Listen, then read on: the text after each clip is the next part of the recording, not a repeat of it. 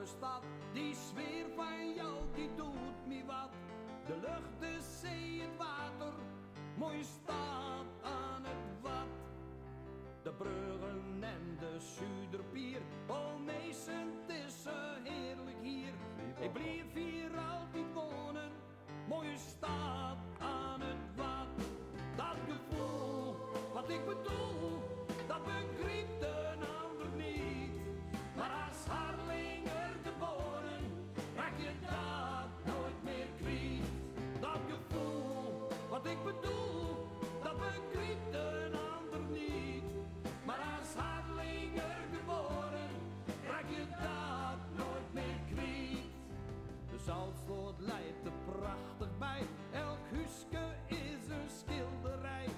Dat alles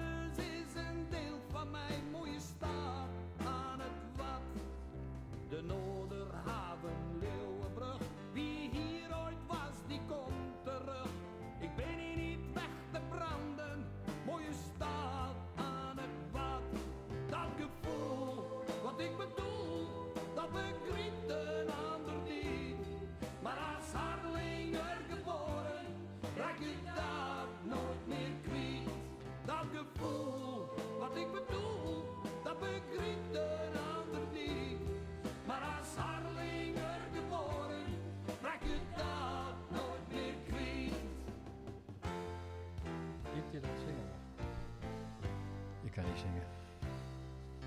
Dat wordt altijd betwist, maar niet zingen.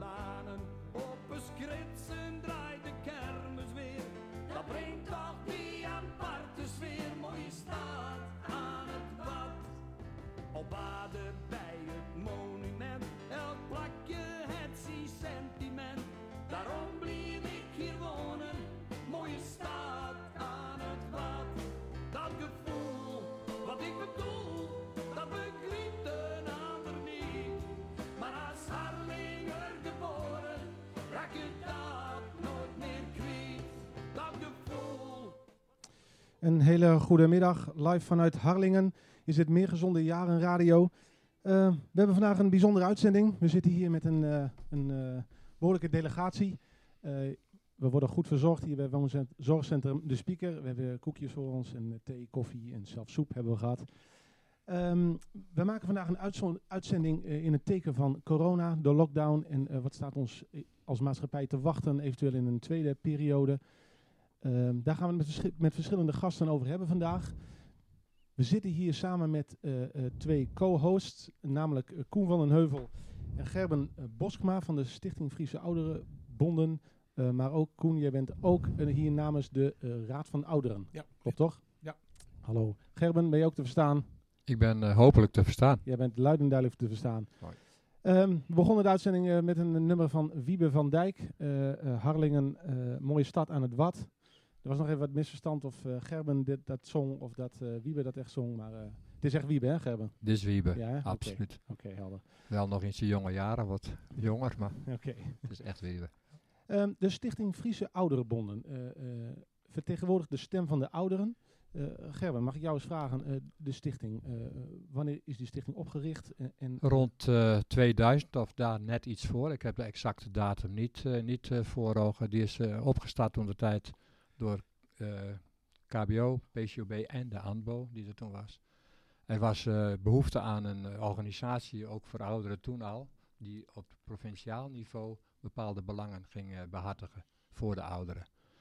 Ehm, nou, dat hebben we met verve opgepakt en ook jaren van, vanuit de provincie subsidie gehad tot de WMO kwam. Toen veranderde onze situatie. Oké, interessant. Is het dan zo dat, dat ouderen lid worden van de stichting? Of eh, eh, jullie vertegenwoordigen de, de belangen eh, überhaupt? Nee, primair doen we het wel voor onze achterbannen die lid zijn van de landelijke bonden die er uiteindelijk zijn. Maar daarnaast staan we ook open voor, voor andere onafhankelijke leden. Of niet leden, maar mensen die inderdaad in die situatie verkeren. Oké. We gaan het zo meteen met elkaar nog hebben over corona, ook voor, voor de stichting. Eh, Koen, jij bent, zit ook in de Raad van Ouderen. Jullie adviseren het ministerie, maar ook andere organisaties die werken met en voor ouderen. Eh, kun je daar iets over vertellen? Eh, in tegenstelling tot het SFO, hè, waar Gerben het net over had, dat is echt gericht op de belangenbehartiging. En de Raad van Ouderen is in oktober 2018 eh, ingesteld door Hugo de Jonge, de minister van VWS. En dat is echt een adviesraad. En dat zijn dus wel verschillende invalshoeken. En de raad is samengesteld uit eh, vertegenwoordigers uit de regio's. Dat het, want voor de, er is ook nog een, een, een plan ouderen geweest. En dat regionaal was eh, eh, ingericht. En ik vertegenwoordig dan de Friese belangen, om het zo maar te zeggen, in de raad. Maar hij zit daar wel zonder last of ruggespraak. Oké. En de raad heeft een behoorlijk aantal adviezen inmiddels eh, afgegeven aan de minister. En gisteren bijvoorbeeld is het eh, ICT-advies aangeboden aan de minister van hoe met ICT in de zorgsector om te gaan. Maar ook heel nadrukkelijk over de positie van ouderen in het proces verpleeghuiszorg en noem maar op. Oké. En ik neem aan ook eh, gevraagd en ongevraagd advies. Dat advies gisteren over ICT, dat zal je niet verbazen als je naar de zorg kijkt, was ongevraagd. Ja, helder. En hebben jullie ook nog een advies uitgebracht over, over de coronamaatregelen? Dat zijn we nu aan het voorbereiden. Dat zijn eh, op verzoek van de minister twee eh, adviezen. Eén is gericht op eh, initiatieven, lokaal, regionaal, door ouderen zelf van de grond gehaald. En in hoeverre dat gestructureel moet worden gemaakt. En, eh, hoe doen we dat dan? Maar met name, wat voor initiatieven hebben ouderen zelf genomen? Het tweede is wat uit corona is gekomen. Dat is eh, een advies aanvragen over de laatste levensfase. En dat heeft natuurlijk in die coronacrisis wel degelijk eh, ja, extra de aandacht getrokken. We hebben wel inmiddels een eh, advies over de exit-strategie eh, aan de minister gegeven. Om te zorgen dat ouderen eh, dat die wel meegenomen worden in het hele proces ter voorbereiding van eventueel tweede golf. Ja, oké, helder. Interessant en belangrijk werk volgens mij. Ehm, nou, we gaan ge- gezamenlijk met ons drieën in gesprek met een aantal gasten, met een aantal bewoners, maar ook professionals in de zorg- en gezondheidswereld. Ehm, ik zit te kijken. Wij ehm, hebben, want ik, zelf, ik heb mijn naam nog niet genoemd, ik ben Nick Kramer. Ik werk voor het eh, Healthy Aging Netwerk. Eh, wij streven naar meer gezonde jaren in Noord-Nederland. En eh, er bestaat een samenwerking tussen de Stichting Friese Ouderenbonden en het HAN. Hè. En er worden een aantal regiotafels georganiseerd in de provincies, ook in de provincie Friesland, waar specifiek stil wordt gestaan bij nou, wat houden ouderen bezig, wat vinden ze belangrijk, wordt hun stem goed genoeg eh, gehoord, et cetera. Ja. Eh, nou, en eigenlijk in de coronatijd konden die, die regiotafels natuurlijk niet doorgaan.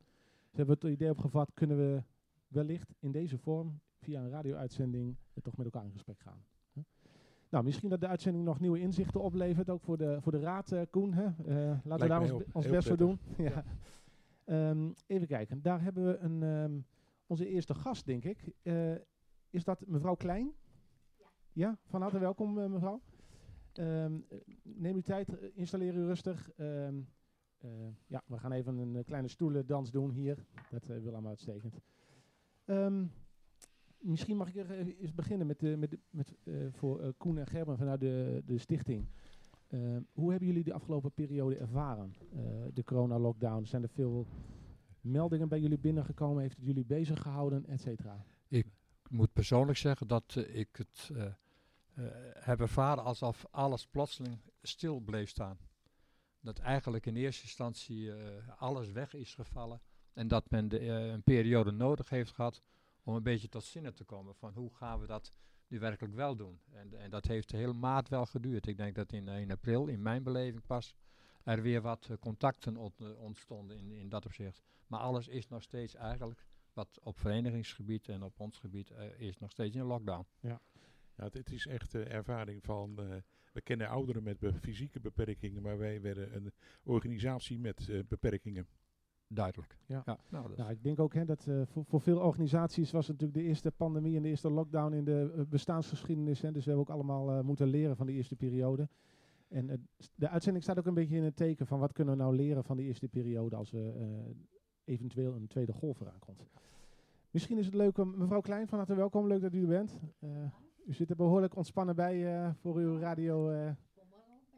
Kom maar op met de vragen. Mag ik u wel vragen om goed in de microfoon te praten? Want we willen eh, niks van uw verhaal missen ook. Zo, zo, zo, dat gaat uitstekend.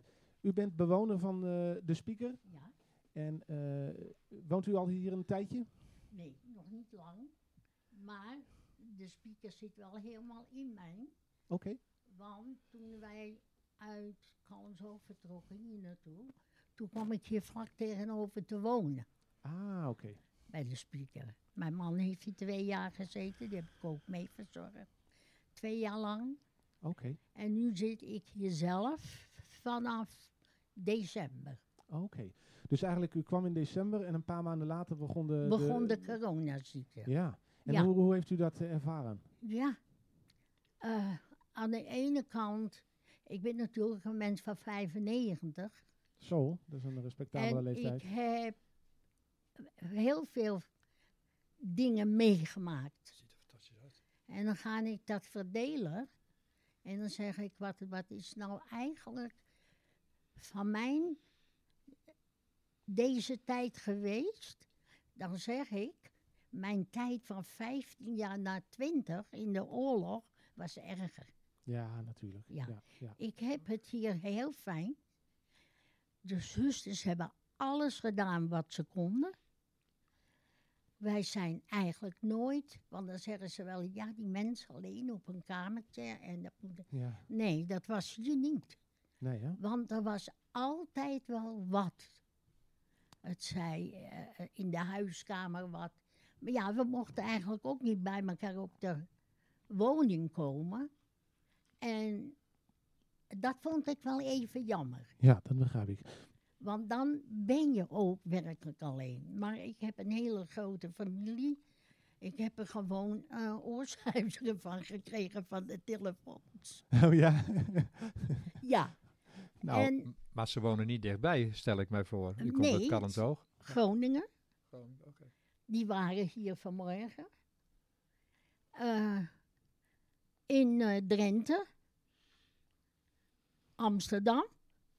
En dan allemaal op Gallenzoog. Daar hebben ze zelf ook een zaak gehad. Dus die komen ook allemaal. Maar dat kennen de zusters Bamen. Ze komen allemaal. Oké. Maar in de coronatijd konden ze natuurlijk niet langskomen, in de denk ik. coronatijd konden ze niet langskomen. En dat was wel heel jammer. Maar ja, door de telefoons en de verzorging hier. Ik heb eigenlijk niet zoveel tijd soms gehad om erover na te denken. Nou, dat is, Laat ik u dat Oh, vertellen. fantastisch. nou, dat is goed om te horen. Dus in de verzorging, ja, natuurlijk heeft u uw familie eh, gemist. Maar voor de Ja, telefoon was natuurlijk, een... kinderen Ja. vooral. Ja, maar een telefoon was dus eigenlijk wel een prima alternatief, zegt u. Maar ik, ik, ik eh, heb de laatste twee weken. Toen werd het wel een beetje benauwd bij me. Maar niet voor mezelf, want ik heb mijn tijd gehad. Ik heb misschien nog een paar jaartjes, daar kom ik wel door. Maar ik denk heel veel erover na, over de kinderen. Ja, precies. Oké, ja. Wij hebben een hele hechte familie en de kindertjes komen hier ook allemaal. En ik hou van ze. Waar staan die voor? Ja. Want mijn gedachten zijn heel ver gegaan. Ik heb natuurlijk ook in Amsterdam de oorlog meegemaakt. Ik heb de hongerwinter meegemaakt. Ik heb de opbouw meegemaakt. Ja. Maar dit, dit achteraf, dit vond ik wel eng. Ja, hè? En u bedoelt dan niet per se de corona aan zich, maar meer hoe... De- ja, over, over wat komen gaat. ja, helder. Ja, over samenleving. wat komen gaat. ja. Wij, he- ik kreeg ook de tijd mee, dat weten jullie ook wel, dat die aids uitbrak. Ja. En je woont in Amsterdam. Eh, het ligt allemaal op je bord. Ja. Hè? Je hoort alles, je veel als, meer is hier. Ja, zeker in Amsterdam. Op- In Amsterdam, hè? daar leef je mee. Ja. Je hebt zelf familie die het meemaken. Hè? We hebben gelukkig geen ziektes gehad, maar ze zijn er wel. Ja. En, en toen dacht ik al, ik denk, oeh, het hele mannenstelsel valt straks weg ja precies. als dit doorgaat. Dus u maakt zich meer zorgen om de maatschappij, hoe dat meer- functioneert, ja. dan om... eh, Ja, omdat ik zelf eh, natuurlijk heel veel in de oorlog meegemaakt heb. Ja. En dan ga je verder en dan denk je, wat hangt nou onder? Oh, de eerste jaren waren fijn. We Ja. hebben heel hard gewerkt. We hadden niets. mhm. En ik ben begonnen met een tientje van liefding. Daar zullen jullie ook wel van ja, gehoord ja, hebben. ja. Wij zijn met een tientje van liefding begonnen. En ik, ik, ik ging een foto maken, voor, die, die, wou ik graag aan mijn man geven. Dat was een jaar na de oorlog, maar we hadden niks. En toen zeg, eh, eh, toen zei ze, eh, die, die vriendin van Begrijp toe, ik zeg, nou die fotowinkel is weer op de Halemerdijk geopend. Ik zeg, ik wil graag een foto maken, maar heb jij wat wat ik aan kan doen? Nee, nee, we hadden allemaal niet. Nee, nee, nee. En eh, daar had ik een laken leggen. Ik heb een foto boven staan. En dan zeggen ze allemaal als je binnenkomt, wie is dat? Ben jij dat? Ja, nou, ik, ik le- leek wel die filmster, hoe heet ze? Zo mooi was die jurk gemaakt van een laken. Oh, schitterend. Maar die jurk heeft u niet meer. Die jurk heb Nee, ik niet nee. meer, maar de foto wel. Ja, schitterend. De foto wel. Ja. En hij was er wat blij mee. Eh, mijn man, die heb ik ook, ik ben ook 67 jaar getrouwd geweest. Zo, ja. En, eh, maar dit, dit had voor mij niet gehoeven, die corona. Nee, hè? Nou, ik denk van meer mensen niet. eh. en dat zou u... voor mij niet te komen. Ik heb er geen, ik heb er geen last van gehad. Ik, ik, ik heb me wel vermaakt. Ja. Ik maak, vermaak dan ook anderen nog. Met Ja. mijn verhalen. Nou, dat kan ik me goed voorstellen. Ja, en u bent ook een vrolijke Ja. verschijning, geloof ik. Heel veel Ja. u nog eh, optreedt, ja. Ja, heel veel verhalen. Geweldig. Ja. Ja. Zullen En ik wij, zie- eh, zullen wij Gerwin en Koen nog een keer langskomen voor wat meer verhalen van mevrouw Ja. Klein? Ik Dat heb, leuk. ik heb al een verhaal in een boek staan van Almere. Want daar heb ik 21 jaar gewoond. Daar heb ik dan mijn levensbeschrijving nog helemaal geschreven. Oké, interessant. Leuk. En ja. hier hebben ze ook een boek. Dat, dat komt, ik meen dat ik dat de zuster zegt, eh, augustus. Want dat is ook door de coronaziekte een beetje achteruit gelopen. Dat ze niet alles af konden maken. Ja, ja. En daar heb ik mijn verhaal ingeschreven. Ik weet niet of jullie er wel van gehoord hebben. Nee. Die schietpartij op de Dam. dat Ah, wij bevrijd werden. Die Oh, meneer die vroeg aan mij. Duitse mariniers. Die, die eh, meneer vroeg aan mij, hoe heeft u uw bevrijdingsdag gevierd? Ik zeg, nou nooit. Ik heb geen bevrijdingsdag. Want ik stond op de Dam. En daar kwamen de Canadezen binnen. En daar stonden we op te wachten. En de Dam is groot. Dus de Dam is groot, ja. vol met mensen. En ik stond zo middenin met nog een paar mensen. Ongelooflijk. Ja. En toen kwamen die Canadezen in de Mozes en dan Angsta bij, bij het paleis.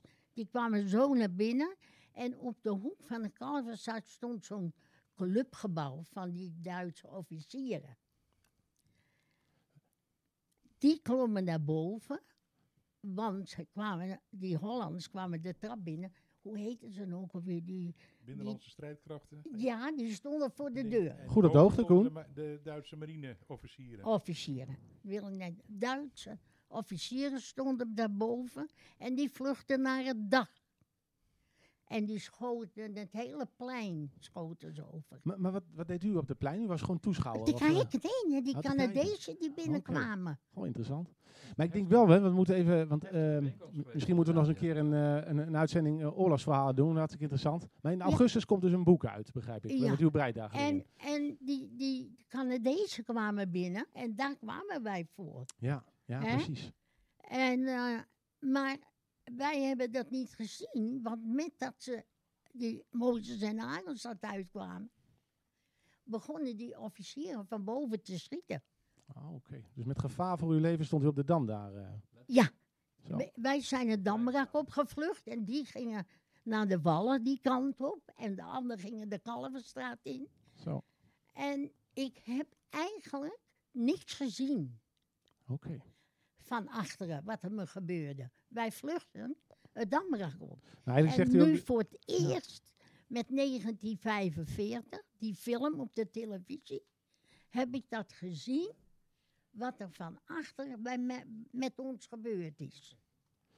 Maar is het Nou. misschien wat... al- Sorry dat ik u onderbreek, mevrouw Klein, want ik vind het hartstikke interessant. Ik kan hier uren naar luisteren. Maar we moeten ook een beetje kijken naar ons schema. Ja, Sorry daarvoor. ja dan, ik zie alles. Hij zit al te knikken en zo te. Ja, u heeft ik het nog goed in de gaten, Ik zie alles. Ik kan wel niet Durf meer Niet lopen. onderbreken hoor. Nee, Gerben, mevrouw Klein heeft Nee, alles in de maar ik gaten. kan niet lopen meer, maar ik zie alles. Maar, Maar eh, goed, al- als ik ik het heb- sa- En alles met elkaar ben ik Ja. blij dat het afgelopen is. Ja. En ik hoop heel, heel gauw dat ze voordat ik vertrek er nog een medicijn uitvinden. Nou, dat hopen we met elkaar, denk ik. Laten we Dat- daar alsjeblieft... dat eh, hoop ik. Dat ja, dat willen we allemaal. ja. Ja, dat er, en ik ook. Maar ja, jullie zijn misschien een stuk jonger. Hè? Ik kwam met januari al 96. Zo, Ja, u bent schitterend. 20 jaar ouder- U bent 20 jaar ouder dan ik ben. Ja, nou, daarom. Ja. En dan hoop ik dat Mijn nog mee te maken. prachtig. Dat Da- ze dat uitvinden. Als ik zo oud ben en dan zo oud Ja, en dan, ik dan voor. heb ik rust in mijn lijf voor de kinderen. Nou, dat vind ik een, een schitterend mooie eh, boodschap om daarmee af te sluiten. Ontzettend bedankt voor uw verhaal, eh, mevrouw Klein. Dank u wel. Eh, ik, ik hoop nog een keer, ik kijk even naar mijn collega, collega Alette, eh, nog een keer hier terug te komen en dan het boek in te kijken en eh, wellicht nog een verhaal van u te horen. Ja, Dank u wel, eh, mevrouw, daarvoor. Ja. tot uw dienst. Heel fijn. Ja, staat er goed op. Oh, ze ja. zijn Als ik- jaren. Als je twintig was, dan had ik op hem geloerd. Nou ja, eh, Heb ik gezegd ook. ik, ik zeg wel eens, met liefde speelt leeftijd geen rol. Dus eh, Ik, eh, dus ja. goed. En nog heel veel Heren, levenslust. Dat, bedankt. dat merk ik ook. Prachtig. Ik vond het erg fijn om te doen. nou, leuk. Ik hoop dat het een beetje Nou, wat toch een... eh, zeker weten. Ik vind het een- nu al een gezellige uitzending. Hè. Kijk, de, de sfeer eh, maakt toch een beetje de uitzending. En eh, dat zit hier eh, dik goed snor. Ja, nee, dat geldt eigenlijk overal voor. Zorgen dat ik honderd word, hè? Nou, dat zou geweldig zijn. Nou, dat, eh, Nou, dat is toch een mooi voorbeeld eh, voor meer gezonde jaren. En mevrouw Klein, ontzettend bedankt. Nou, leuk. Ja. Ik, eh, ja, nee, schitterend. Eh, eigenlijk jammer dat we, dat we dan door moeten, hè. Want, eh, ja, nou, god, eh, met een, ja, goed, dat... eh, Ze bindt je gelijk met haar verhalen. ja. precies. Dus we vermaken de mensen ook hier in coronatijd. Maar Ja, hier kun je een hele uitzending aan wijden. Oh ja, zomaar. Zeker, ja. Maar eigenlijk wat een beetje, dus, als ik de samenvatting eh, eh, even eh, maak voor, voor mevrouw Klein, is dat ze zegt van een soort berusting van, nou ja, ik werd hier goed verzorgd, er waren hier wel mensen, eh, de familie kon ik prima per telefoon spreken. Het is natuurlijk voor iedereen anders, maar eh, nou, toch prettig dat een deel van de ouderen dus dat blijkbaar op deze Nee, manier. maar je krijgt Toch hoor je in haar lange leven, de- uiteindelijk, dat alles wat ze heeft meegemaakt, dat je ziet van dit, die corona dat toch wel heel erg heeft eh, ingehakt. Dat ze dit ook een van de ergste dingen, Ja. vooral Ja. wat er nog gaat komen. Precies. Gaat de Ja. wereld eruit zien. Ja, Met ik, corona. ik vraag me even of, of dit huis of deze, dit verpleeghuis eh, een corona-affaire heeft gekend. Want dat bepaalt natuurlijk toch wel de Ja. relatieve vrijheid die ze klaarblijkelijk hier nog wel gehad heeft. Dat in is waar. huis. Nou, we spreken zo meteen nog mensen van eh, het woonzorgcentrum, dus daar kunnen we zo meteen eh, Nou, antwoord op krijgen. Dat Is misschien een idee- uit het gesprek met mevrouw Sieben. Dat zij eh, toch heel getracht hebben om zo open mogelijk te blijven. Ja, En vooral intern voor alles ook te blijven organiseren. Ja. En Ja. Dat, dat, dat, dat hoor je gewoon terug. Prachtig. Leuk. Is het misschien een idee dat we naar de volgende gast gaan? Joken, zou ik jou mogen vragen? Ehm, eh, ja, we hebben daar helemaal geen afspraak over gemaakt. Mm, eh, ik zeg wel je, jou, maar mag ik wel je, jou zeggen? Sorry daarvoor. Live op de uitzending. Want we hebben dus net een eh, verhaal gehoord van iemand die eh, in een verzorgingstehuis eh, woont. En die heeft dus altijd mensen om zich heen gehad. Nou, jij bent een stuk jonger dan mevrouw Klein, maar zelfstandig wonend. Mag ik vragen, hoe, hoe heb je de, deze periode ervaren? Als, want je woont alleen. Ik woon alleen. Mijn man is acht jaar geleden. Mag ik je, sorry, vragen om goed in de microfoon te praten? Dan missen we niks. Ik, ik woon alleen. Eh, acht jaar geleden is mijn man overleden. En eh, sindsdien eh, nou gaat het verder goed. Hè? Maar het alleen zijn, vooral in deze periode. Hè? Je, je moet je weg al vinden in het normale. En dat, dat probeer ik te doen door ja, zinvolle dingen en te doen en bepaalde hobby's uit te oefenen. Ik hou erg van zingen. Ik zit bij twee koren. Dus ja, je begrijpt dat dat een hele aderlating was. Want je mag niet meer zingen. Ja. Ik ben ook kerkelijk betrokken. En eh, nou, dat mag ook niet meer. Dus het was voor mij wel een, eh, een hele, is er een hele leegte ontstaan. En ehm, daar heb ik, ja, ik ben er verder goed, fysiek goed en geestelijk heb ik me daar goed doorheen geslagen, denk ik. Hè? Maar er, er zijn wel moeilijke dagen geweest. Ja. Dus a- als, het geldt eigenlijk voor iedereen. Als je alleen woont, eh, moet je normaal gesproken zelf je, je, je activiteiten organiseren. Ja. En als dat dan wegvalt in corona, is dat wel een heel groot gemis. Hè, Ja, de- ik heb, eh, ben in de gelukkige omstandigheid dat ik vier kinderen heb waar ik heel goed mee kan opschieten. En die zijn ook wel regelmatig geweest, zo langzamerhand weer veel bij me gekomen. Vrienden wel om me heen. En eh, nou, langzamerhand is de toenadering weer op anderhalve meter eh, afstand eh, eh, wat, wat, lukt wat beter. Ehm, eh, en nu, nu gaat het alweer wat, wat, wat, wat, wat, wat losser. En, en soms dan heb, heb ik het idee van dat ik het, dat ik het zelfs een beetje vergeet. Hè? Maar het, Ja. ik denk wel dat de- deze hele periode wel een hele diepe indruk op mij heeft gemaakt. Ik, ik ben van na de oorlog, zei ik vroeger altijd. Ik ben in 1945 geboren. Dus ik heb de oorlog niet meegemaakt. Maar wat die mevrouw hiervoor vertelde, ik denk van ja, dat zijn dingen die heel erg indruk op je leven maken. En, en ook de, de, de manier bepalen waar, eh, hoe je in het leven staat. En eh, nou ja, ik, ik heb er eh, geprobeerd wat van te maken met hulp van kinderen en Ja. goede vrienden. Oké, dus die, die waren gelukkig wel aanwezig af en toe. ja. En eh, je gaf aan, eh, het, het verandert misschien je kijk op het leven. Eh, mag ik vragen, wat, wat heeft dat dan? eh, ga je anders naar kijken naar vrije tijd en naar het omgang met familie en vrienden? Of, eh, Nou, niet naar familie en vrienden. Eh, ik, ik, ik, ja, ik hoop dat, dat, dat de- de toenadering weer, weer, weer, weer mag. Hè, binnen niet al te lange tijd. Hè, op, eh, op, op zijn Fries gezegd, het is een mooi Fries eh, eh, woord voor huidhonger, hè, voor de kroepverlet. Daar, heb ik, daar snak ik naar. Hè, dat je, je mensen weer even kun- lekker kunt knuffelen en, en, en, en bij elkaar tegen elkaar aan kunt zitten. Ja, Ja. Dat, dat zijn dingen, dat zijn maar momentjes, hè, maar dat, ja, dat mis, je, mis ik wel heel erg. Ja, dat kan ik me goed Ik, voorstellen. kn- ik knuffel trouwens wel met een paar kle- eh, kleinkinderen van, van twee en drie. Nou, dat, dat, dat, ja. dat, dat, kun je niet maken dat je die niet even vastpakt. Nee, dat, nee, dat lijkt mij ook. En ehm, stel nou dat er in het najaar een, een tweede eh, lockdown komt of een tweede golf. Z- zijn er dingen, heb je je voorbereid daarop? Of heb je bijvoorbeeld eh, apparaten in huis gehaald om contact te leggen met mensen? Of heb je op een andere manier... Nee, ik denk er wel over na. Hè, van, van, eh, en dan soms dan, eh, ik ben wel eens een beetje wat opstandig.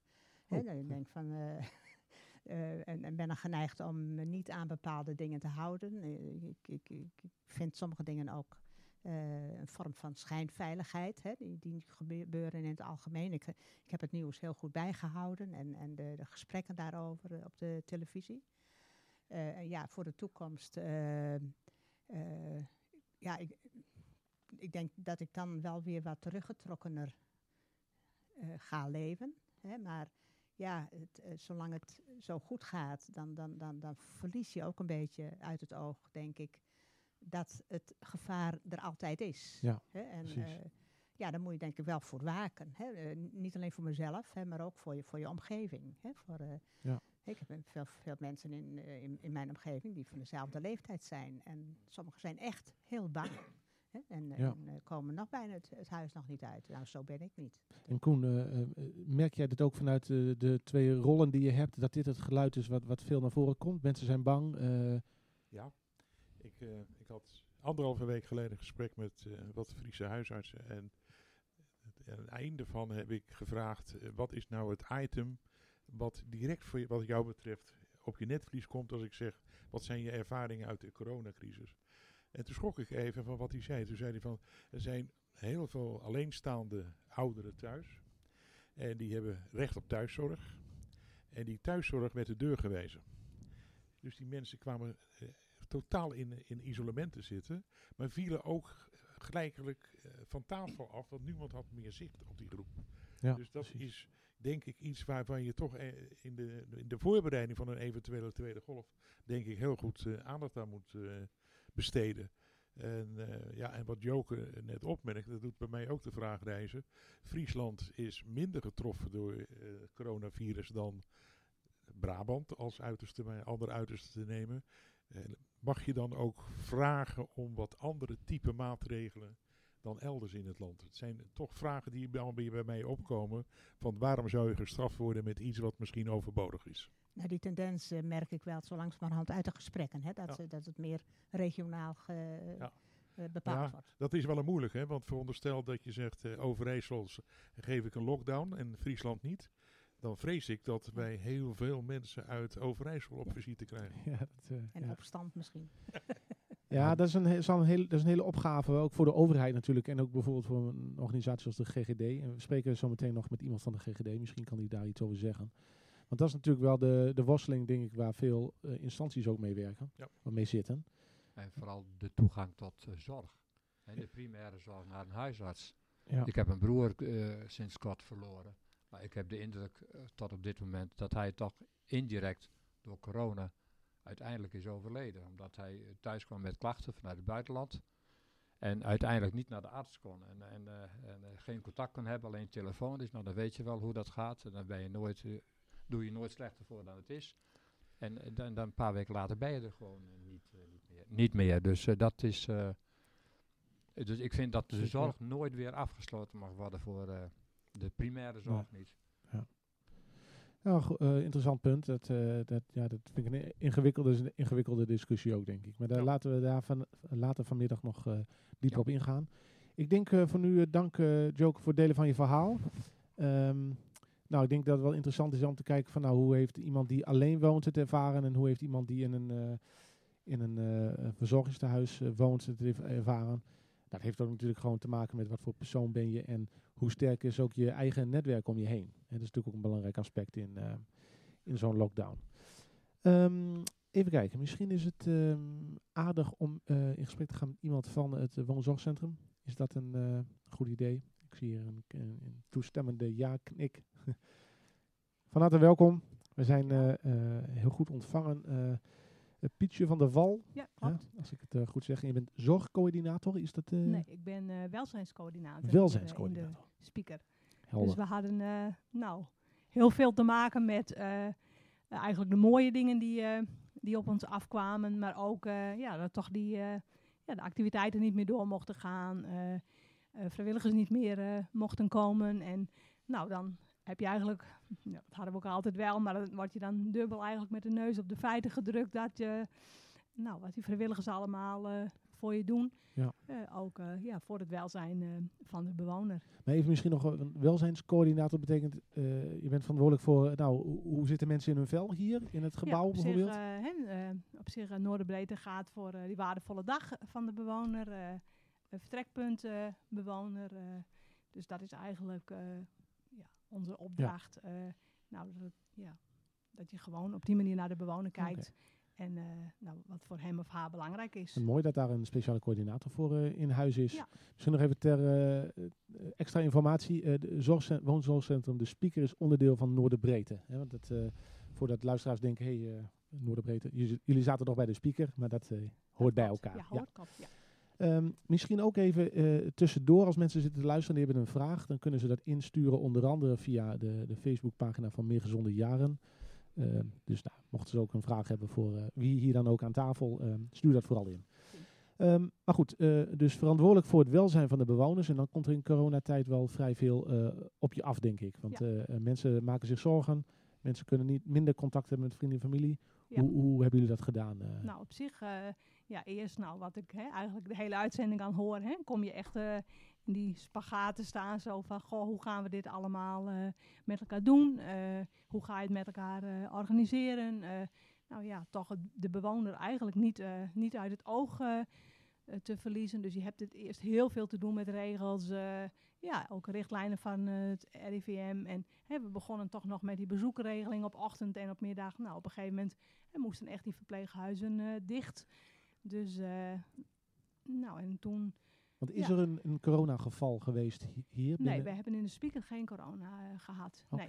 Dus op zich, ja, dat is gewoon ook wel heel fijn hè, dat, dat dat niet het geval is. Hè. Ik bedoel, ja, je, je las dat op zich wel in de krant, je hoorde dat in de media wel. eh, nou, hoe dat, hoe dat in andere verpleeghuizen. Gisteravond zag ik nog even op NPO 2 hè, een hele ja, mooie documentaire over. Of mooi, maar in ieder geval die heel goed liet zien van hoe het voor en na de coronatijd was eh, in het verpleeghuis. Dus eh, maar op zich ja, hebben we altijd wel eh, geprobeerd om ja, toch die bewoner centraal. En natuurlijk, som, ja, nou wat u eigenlijk ook al schetste, de een kan er dan soms ook beter mee omgaan dan de ander. Ja. Maar we kregen eigenlijk ja, van buiten, ja, voelden we gewoon, ja, het was heel erg hè, dat het verpleeghuis dicht was. Maar eh, nou, we hebben gewoon het geluk gehad dat het eh, heel mooi weer was in het voorjaar. Ja. Eh, we kregen heel veel dingen aangeboden qua muziek, qua nou, mensen die buiten optreden wilden verzorgen. Dus we hadden ook een, een terras wat afgesloten was. En bewoners konden, konden in principe ja, heel mooi op afstand op dat terras plaatsnemen. En daar zat nou, eigenlijk heel mooi een tuin van anderhalve meter tussen. Dus eigenlijk familie kwam ook af en toe gewoon wel eh, naar die muziek luisteren. Maar dan toch even op anderhalve meter afstand even contact met elkaar.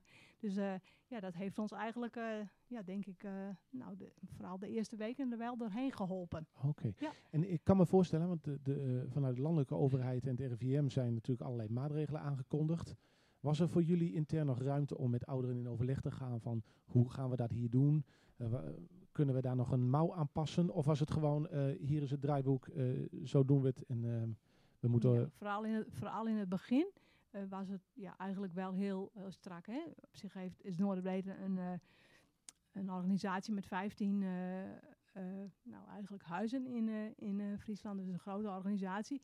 Dus het was het wel heel... Hè? We hebben bijvoorbeeld in het begin eh, mochten we nog dat rondje speaker wandelen. Nou, eigenlijk was dat al heel snel dat dat gewoon niet meer mocht. Hè? Dat het terras afgescherpt moest worden. En nou, dat was eigenlijk je bewegingsvrijheid. Dus eh, ja, op zich waren die... eh, en ik, ja, ik denk vooral in het begin is dat gewoon eh, ja, heel goed geweest. Zo van, eh, ja, dat je toch op die manier wel... eh, voor de duidelijkheid misschien ja, voor de hè? duidelijkheid. Hè? Want ja, je, je merkte gewoon iedereen ja, met wie je sprak, met wie je te maken had. eh, nou, dat was soms wel onbegrip. en ja, het was nu wel heel duidelijk. Oké. Ja. oké. Dus eigenlijk kan ik zeggen dat al met al hebben jullie je best met wat hulp van buitenaf en met wat begrip van de bewoners, heb, hebben jullie je redelijk gered in die corona-lockdown? Of is Ja. dat te, ja, is dat zich, ik denk, ja, als ik, eh, ja, als je de media volgde en als je dan zelf eh, eh, ja, midden in zo'n organisatie werkt en nou, je probeert elke dag er een goede dag van te maken. zo van, ja, als ik er dan op terugkrijg. Soms, en we hadden, op zich heb je natuurlijk die ja, verdrietige momenten gehad, maar op zich denk ik van, nou, achteraf gekeken denk ik van, nou, vind ik wel dat we het heel goed met elkaar gedaan hebben. Ja, Goed- goed om daar te ben ik horen. gewoon heel trots op. Ja. Ja. Is dat ook Gerben? Hebben jullie contact met meerdere woonzorgcentra in de, in de provincie Friesland? En, Eh, niet, niet persoonlijk, maar wel telefonisch. Je hoort eh, dingen uiteraard, ook eh, van hele, hele andere verhalen. Ik verbaas me ook over dat het hier toch zo goed is gegaan en zo open. En, en want dat is dat niet doet mij goed. Ik denk van, hé, hey, het, het, het kan dus ook op een wat, eh, wat, wat algemener... eh, want dat is niet overal in de provincie zo oh nee, gegaan. zeker niet. Er zijn dus bij die ze echt in de, op de kamer hebben gezet en er mocht niemand meer bij. Die, daar zit je in de gevangenis. Nou, daar ga ik niet naartoe. hoor. Nee, op zich hebben we wel heel, ja, heel goed steeds die anderhalve meter. eh, eh, het was ook niet zo, hè, bijvoorbeeld ons, beneden ons restaurant was wel beneden gesloten. Hè, bewoners Ja. kwamen niet van de afdeling. Maar op zich hebben we wel, eh, we hebben dan eh 40 bewoners op een afdeling wonen en twee buurtkamers. En op zich hebben we op een gegeven moment ook op die manier gekeken van, nou, gro hele grote ovale tafel, hoeveel bewoners kunnen daar eh, rondzitten? Eh, hoe houden we die anderhalve meter?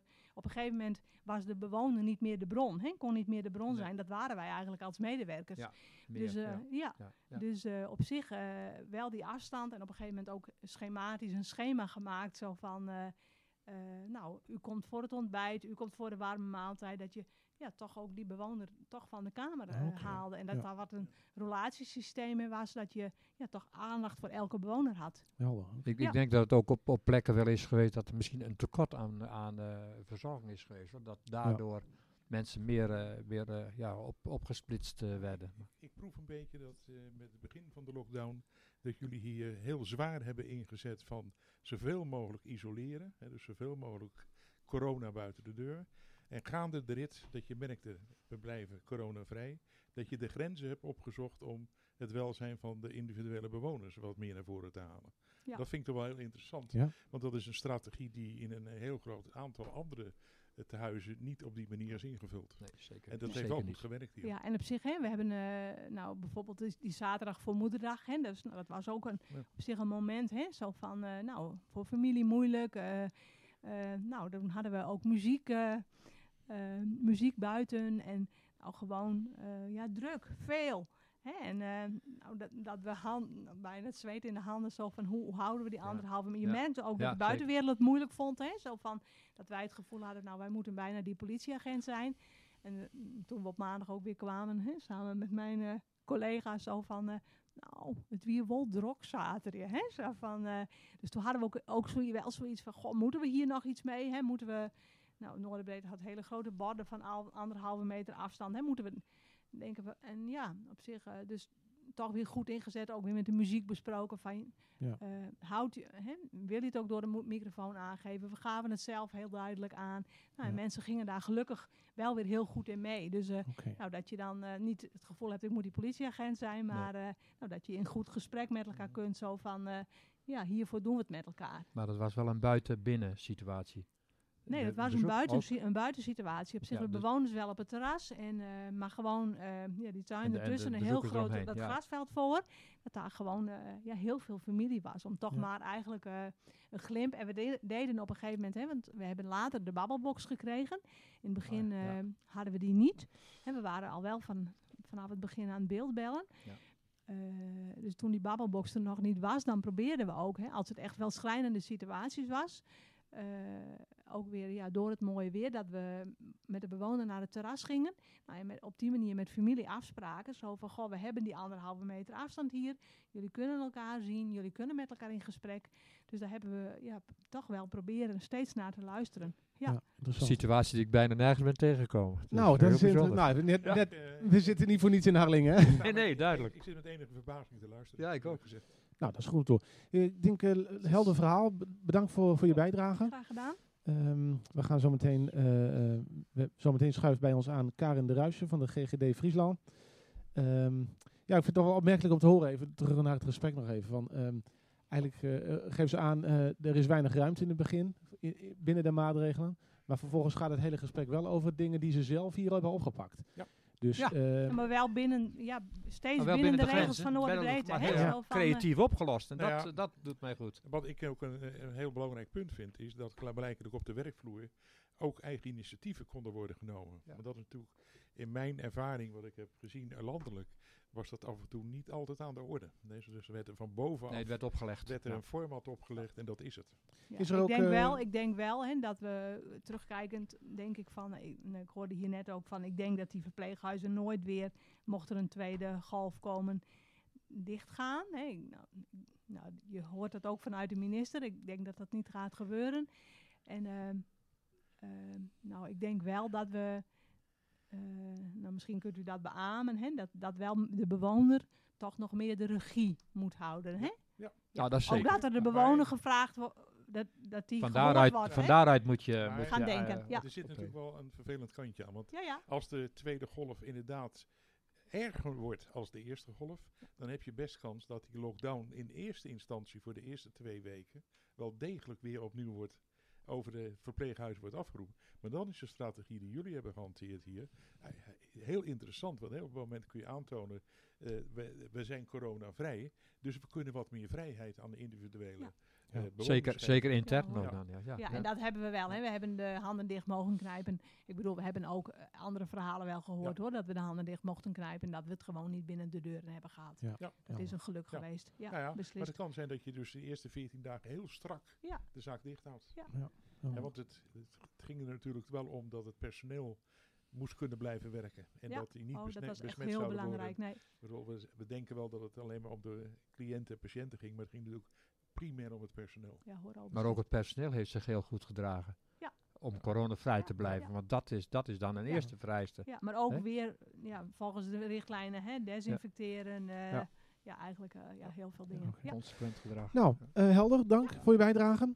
Ehm, dan schuift, eh, tenminste, ik kijk even eh, Karin aan. Eh, hallo, Karin de Ruijser eh, van de GGD Friesland.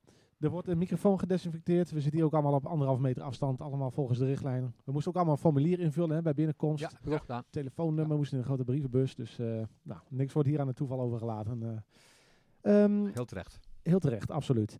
Eh, inmiddels aangeschoven, Karin, hartelijk welkom. Eh, leuk, ik mag jullie jij zeggen hoop ik. eh, leuk dat je er bent. Ehm, we hebben even kort vooraf eh, contact gehad ook. Je bent adviseur publieke gezondheid. En eh, nou, wij bespraken natuurlijk net al even eh, de, de worsteling voor organisaties, maar ook voor de maatschappij. Eh, hoe ga je om met die coronamaatregelen? Nou, ik denk als er één organisatie is bij wie die worsteling aanwezig is, dan is het wel de GGD. Want aan de ene kant heeft de GGD natuurlijk de rol van gezondheidsbevordering. Dus mensen bewegen, mensen gezellig met elkaar dingen doen, noem maar op. En aan de andere kant gezondheidsbescherming en een, een, een belangrijke rol in de coronamaatregelen. Eh nou, zou je eens willen vertellen, eerst eens misschien, hoe heb, hoe heb jij of hoe hebben jullie de, die eerste lockdown ervaren? Ja, nou ja, de lockdown. eh, eigenlijk al voordat er sprake was van een lockdown, eh, hadden wij natuurlijk te maken met, eh, met een vreemd virus dat rondging in de wereld. En dat was voordat gewone mensen zich er echt druk om maakten in Nederland, merkte ik al, ik krijg geen communicatieadviseur meer te spreken. Die artsen infectieziekten lopen de hele dag te bellen of ze zijn er niet. Eh, hè, zelfs mensen van het management eh, lieten eigenlijk dingen vallen. Het ging eigenlijk alleen nog maar over corona. Hè, dus nou ja, je zei, ik ben adviseur publieke gezondheid. Ik zit normaal wat meer aan de, nou ja, de lichtere kant, zou ik maar zeggen, van de gezondheidsbevordering. En die deed er even niet meer toe. Hè, dus op dat moment was er niet eens een worsteling. Het ging alleen maar over hoe kunnen we dit virus de baas. En ik, ik zat net met bewondering te luisteren naar het verhaal van de speaker. En ook wel met enige jaloezie. Dat ik denk, ja, als je dus met cliënten werkt. En als het ook gaat om het welzijn van die cliënten. Je kijkt een bewoner of een nou, patiënt in de ogen. En je kunt kijken wat je kunt doen voor diegene. En dat is bij ons eigenlijk ja, op zo'n moment niet meer aan de orde. Nee. Je noemde ook al het begrip publieke gezondheid. Wij zijn van publiek, eh, volksgezondheid wordt ook wel gezegd. En het gaat niet om die ene persoon. Het gaat om hoe hou je het volk gezond? En hoe voorkom je dat hier een gigantische uitbraak komt en dat de IC's eh, het niet meer aankunnen? En dan, dan is er op, op zo'n moment, en dat klinkt heel bot, maar dan is er geen ruimte om te denken: wat zou nou fijn zijn voor mevrouw Klein in het verpleeghuis? Ja. Nee, wij moeten zorgen dat, eh, dat er geen besmettingen zijn of dat ze worden geïsoleerd en niet verspreiden. Ja. Nou ja, dus als je zegt van ja, hoe, hoe heb je dat ervaren? Nou, in het begin dat mijn gewone werk eh, uit de handen viel en dat ik mijn collega's zag eh, verdwijnen in de crisisorganisatie. En dat ik aan de ene kant, nou, bij de GGD heel veel mensen heb gezien die enorm onder druk stonden. Nog trouwens. Ik ben gisteren even gaan vragen van jongens, hoe is die hier? Ik kom bijna dus niet eens op de GGD. ik moet ook thuis werken. ja. En nou, nog steeds veel druk. Hè? Ook al denkt dan de buitenwacht van, nou ja, maar het is toch bijna weg en we hebben weinig in Friesland. Alle processen die er zijn, ook landelijk, speelt ook bij ons. Maar goed, dus dan aan de ene kant heel veel druk, maar ook wel ehm, ja, energie en trots van, hé, hey, wij kunnen nu eindelijk ook doen waar we gewoon heel goed in zijn. Ja, ja. Het is ook infectieziektebestrijding is een van de ja, van, de, van een, soort core business in de publieke gezondheid. Die vroeger heel belangrijk was, maar die op een gegeven moment ook wel wat uit het oog verloren is. Ik, ik las zelfs in dat beroemde boek van Rutger Bregman, eh, een paar maanden geleden gelezen. De meeste mensen deugen. Nou, daar staat nog in. Nou, infectieziekten zijn we nu wel de baas. Ja. Oh ja? Ja, En het, is, nog, het boek is, nou, ja, dus het ligt nog niet eens in de uitverkoop. Hè, dus, eh, Ja, nog- ja, precies. nou, en dan komt er zoiets. En op zich, misschien hebben jullie ook wel heel vaak die meneer van die andere GGD gezien, die dan vaak als woordvoerder optreedt, die zegt van, dit is gewoon business as usual, dat kunnen wij gewoon heel goed. Ook bron- en contactonderzoek, dat doen we ook bij TBC, dat doen we bij SOA. Maar van deze omvang, eh, en we wisten natuurlijk ook nog niet hoe groot het zou worden, dit hebben we gewoon nog nooit meegemaakt. Dus die spanning was er ook. Ja, en eh, zoals ik begrepen heb, want wij maken ook af en toe radio in Leeuwarden. En daar hebben we ooit een keer een, eh, een jeugdarts in de uitzending gehad. Die vertelde dat eh, ja, een jeugdarts in coronatijd kun je niet meer lang scholen. Die Nee. is overgeplaatst naar team infectieziektebestrijding. Ja, ja. Ik begreep ook vooraf even dat eh, dat kleine team infectieziektebestrijding, Ja. dat eh, als er dan daadwerkelijk iets plaatsvindt, dan zijn zij de personen die eigenlijk de lijntjes uitzetten. Hè? En eigenlijk de andere mensen van bijvoorbeeld de GGD, eh, nou aan het werk zetten is misschien eh, niet helemaal een goede bewoording, maar eh, dat is een enorme omschakeling binnen de organisatie GGD. Ja. Wie doet wat Ja. en wie heeft welke rol. Ja, je zegt het een beetje in zijn algemeenheid, alsof het altijd zo is. Volgens mij maken we dit nu voor Nee, het maar eerst mee. zeker. Maar ja. het is ook, Hè, dus, eh, ja, maar ja? het is ook voor het eerst. Want ik denk dat de gemiddelde burger in Nederland eh, geen enkel idee had wat een veiligheidsregio Nee. was. Nee. En de robuustheid is ja. met deze Nee, pandemie niet voor het eerst getest. Ja. En Ja. dan zie je dus die, die tweeslag tussen enerzijds de GGD met zijn traditionele taken, Ja. maar ook nog eens een keer de, eh, de, binnen de veiligheidsregio publieke gezondheidszorg. Ja. Die komt in één figuur bij elkaar, maar het zijn twee gescheiden circuits in feite. Ja. Maar ze moesten wel allemaal dezelfde ellende aanpakken. Klopt, klopt. Ja. GGD Friesland is onderdeel van de veiligheidsregio Friesland. Dat is niet overal zo dat dat één op één ook hetzelfde geografische gebied bestrijdt. Dat is makkelijk. Hè. Dat is best overzichtelijk dat dat Ja. bij ons wel zo is. Eh, hè, dus wij hebben ook, eh, ja, we hebben het dan altijd over de eerste en derde etage, zeg maar. Beneden hebben we de infectieziektebestrijding, maar boven hebben we de crisisorganisatie. Ja. En die zijn ook veel meer gericht op ook het in de gaten houden van zorgcapaciteit en die persoonlijke beschermingsmiddelen en dat soort zaken. Eh, maar mijn directeur, de directeur van de GGD, dat is dus de directeur publieke gezondheid, die adviseert ook nou ja, over die hele crisisaanpak. Hè, Dus Ja. die heeft ook een aparte rol nu. En nu gaf je net aan, ehm, op het moment dat eh, corona eh, in ons land aanwezig was, eh, ja, alle hens aan dek binnen de GGD en Mhm. werd eigenlijk gezegd van de, de publieke gezondheid is, is even iets minder belangrijk. Is dat wat jou betreft? Ja, Nee, nou, ik wil aandacht even nuanceren, Mhm. want, want op zich is infectieziektebestrijding is publieke gezondheid. dat dat is, ja. dat bij publieke gezondheid zou je kunnen zeggen, dan gaat het over de gezondheid van het volk of de populatie als patiënt, zei laatst iemand. ja. En, en da- daar zit een beschermingskant aan. En dat is zo van als er een risico is of een, of een gevaarlijke stof eh, door een brand. eh, nou, in dit geval een virus. Dus dat, dat, dat zijn aspecten van publieke gezondheid. Maar de andere kant is dat je ook probeert om gezondheid te bevorderen. En daar, dat is ook een wettelijke taak. En dat, dat Ja. hoort bij dezelfde GGD. En dan bedoel je, die specifieke taak, die was even iets minder belangrijk. Natuurlijk wel, Eerst wel. En, en zelfs dat, nou ja, dat mensen wel dachten van ja, wat doe ik eigenlijk onbelangrijk werk. Terwijl op een gegeven moment kwam het ook wel weer heel mooi bij elkaar. In die zin dat eh, juist toen mensen ook, nou ja, we hebben het nu over oudere eh, mensen, over oudere Friesen. Toen zoveel mensen verplicht thuis zaten, kwamen ook wel verontruste signalen. Hé, hey, wat zijn we aan het doen? Ehm, ehm, in beweging zijn is zo essentieel voor mensen. En Hè, dus nou ja, dat we eigenlijk, ja, zijn we nu de gezondheid van het volk aan het beschermen. Tegelijkertijd benadelen we het ook. ja we precies. ja. ontnemen mensen hun, hun lichaamsbeweging hè, door dat advies van blijf thuis. We ontnemen ze hun sociale contacten. En wij gaan normaal gesproken, als er geen crisis is, gaan we uit van positieve gezondheid. Ja, dat betekent gezondheid is veel meer dan dat je niet ziek bent. Dat is ook dat je wat te doen hebt, dat je goed in verbinding bent met je netwerk en eh, nou ja, een doel hebt om op te staan. Hè, dus op zich, eh, nou ja, het is net in het eh, verhaal van de mevrouw die alleen thuis zit, noodgedwongen, natuurlijk heel duidelijk geworden. Ja. Alleen we hadden er even wat minder boodschap aan voor nu. Precies, helder. Ja. En op een gegeven moment zijn er wel mensen opgestaan ook die op de trom hebben geslagen van hé, hey, we hebben het nu over deze pandemie. Maar nou, volgens mij 2011, 2012 is er ook geschreven. Nou, ik heb het nu niet over griep, maar ik heb het over de pandemie van obesitas. Ja, ja. Hè, daar is toen heel erg over op de trom geroffeld. Van, Daar overlijden wereldwijd jaarlijks miljoenen mensen aan. Ja. Eh, hè, door diabetes, hart- en vaatziekten. En wat bleek nu? Dat de mensen die, die het lastig kregen met corona, die ziek werden, maar die dus uiteindelijk op de IC belanden. Daar waren veel mensen met, eh, met diabetes, eh, mensen die rookten, mensen die ernstig overgewicht hadden. Leefstijl gerelateerd. Leefstijl eh, gerelateerd. ja. En dat gaf ook, oh, toen dacht ik ook weer, oh, dus het is toch wel belangrijk. Ook dat andere, ja, wat precies. nu even, even moet op pauze staat, zeg maar.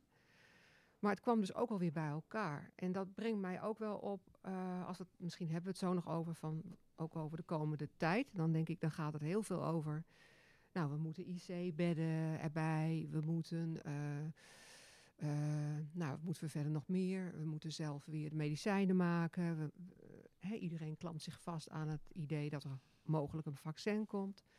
Maar het is ook wel iets dat mensen zelf natuurlijk, nou ja, wat net werd geopperd van kunnen nadenken over hoe blijf ik in verbinding met mijn eh, omgeving. Misschien ook via, nou ja, toch maar eens leren om met de computer om te gaan. Ja. Maar ook aan je leefstijl te werken. Hè, dus dat, en dat is niet voor ouderen, dat is voor ons allemaal. Mhm. Ja. Ehm, dat het dus wel helpt als je gezond leeft, is je weerstand beter, heb je sowieso meer kans om het virus te weerstaan, maar ook als het je treft, om eh, nou, minder eh, ziek te worden. Nou, dat is natuurlijk een uitstekende boodschap voor onze meer gezonde jaren Ja. radio. Koen, jij wou ook nog wat Ja. vragen, geloof ik. Ja. Bij het begin van de coronacrisis, hè, toen hebben wij elkaar ook trouwens ook gesproken, Ja. was een ding wat mij opviel, eh, dat in de wettelijke taak van de GGD eh, ouderen eh, geen plaats hebben gevonden. Ik vind dat zelf een omissie, gewoon een weeffout in de wet.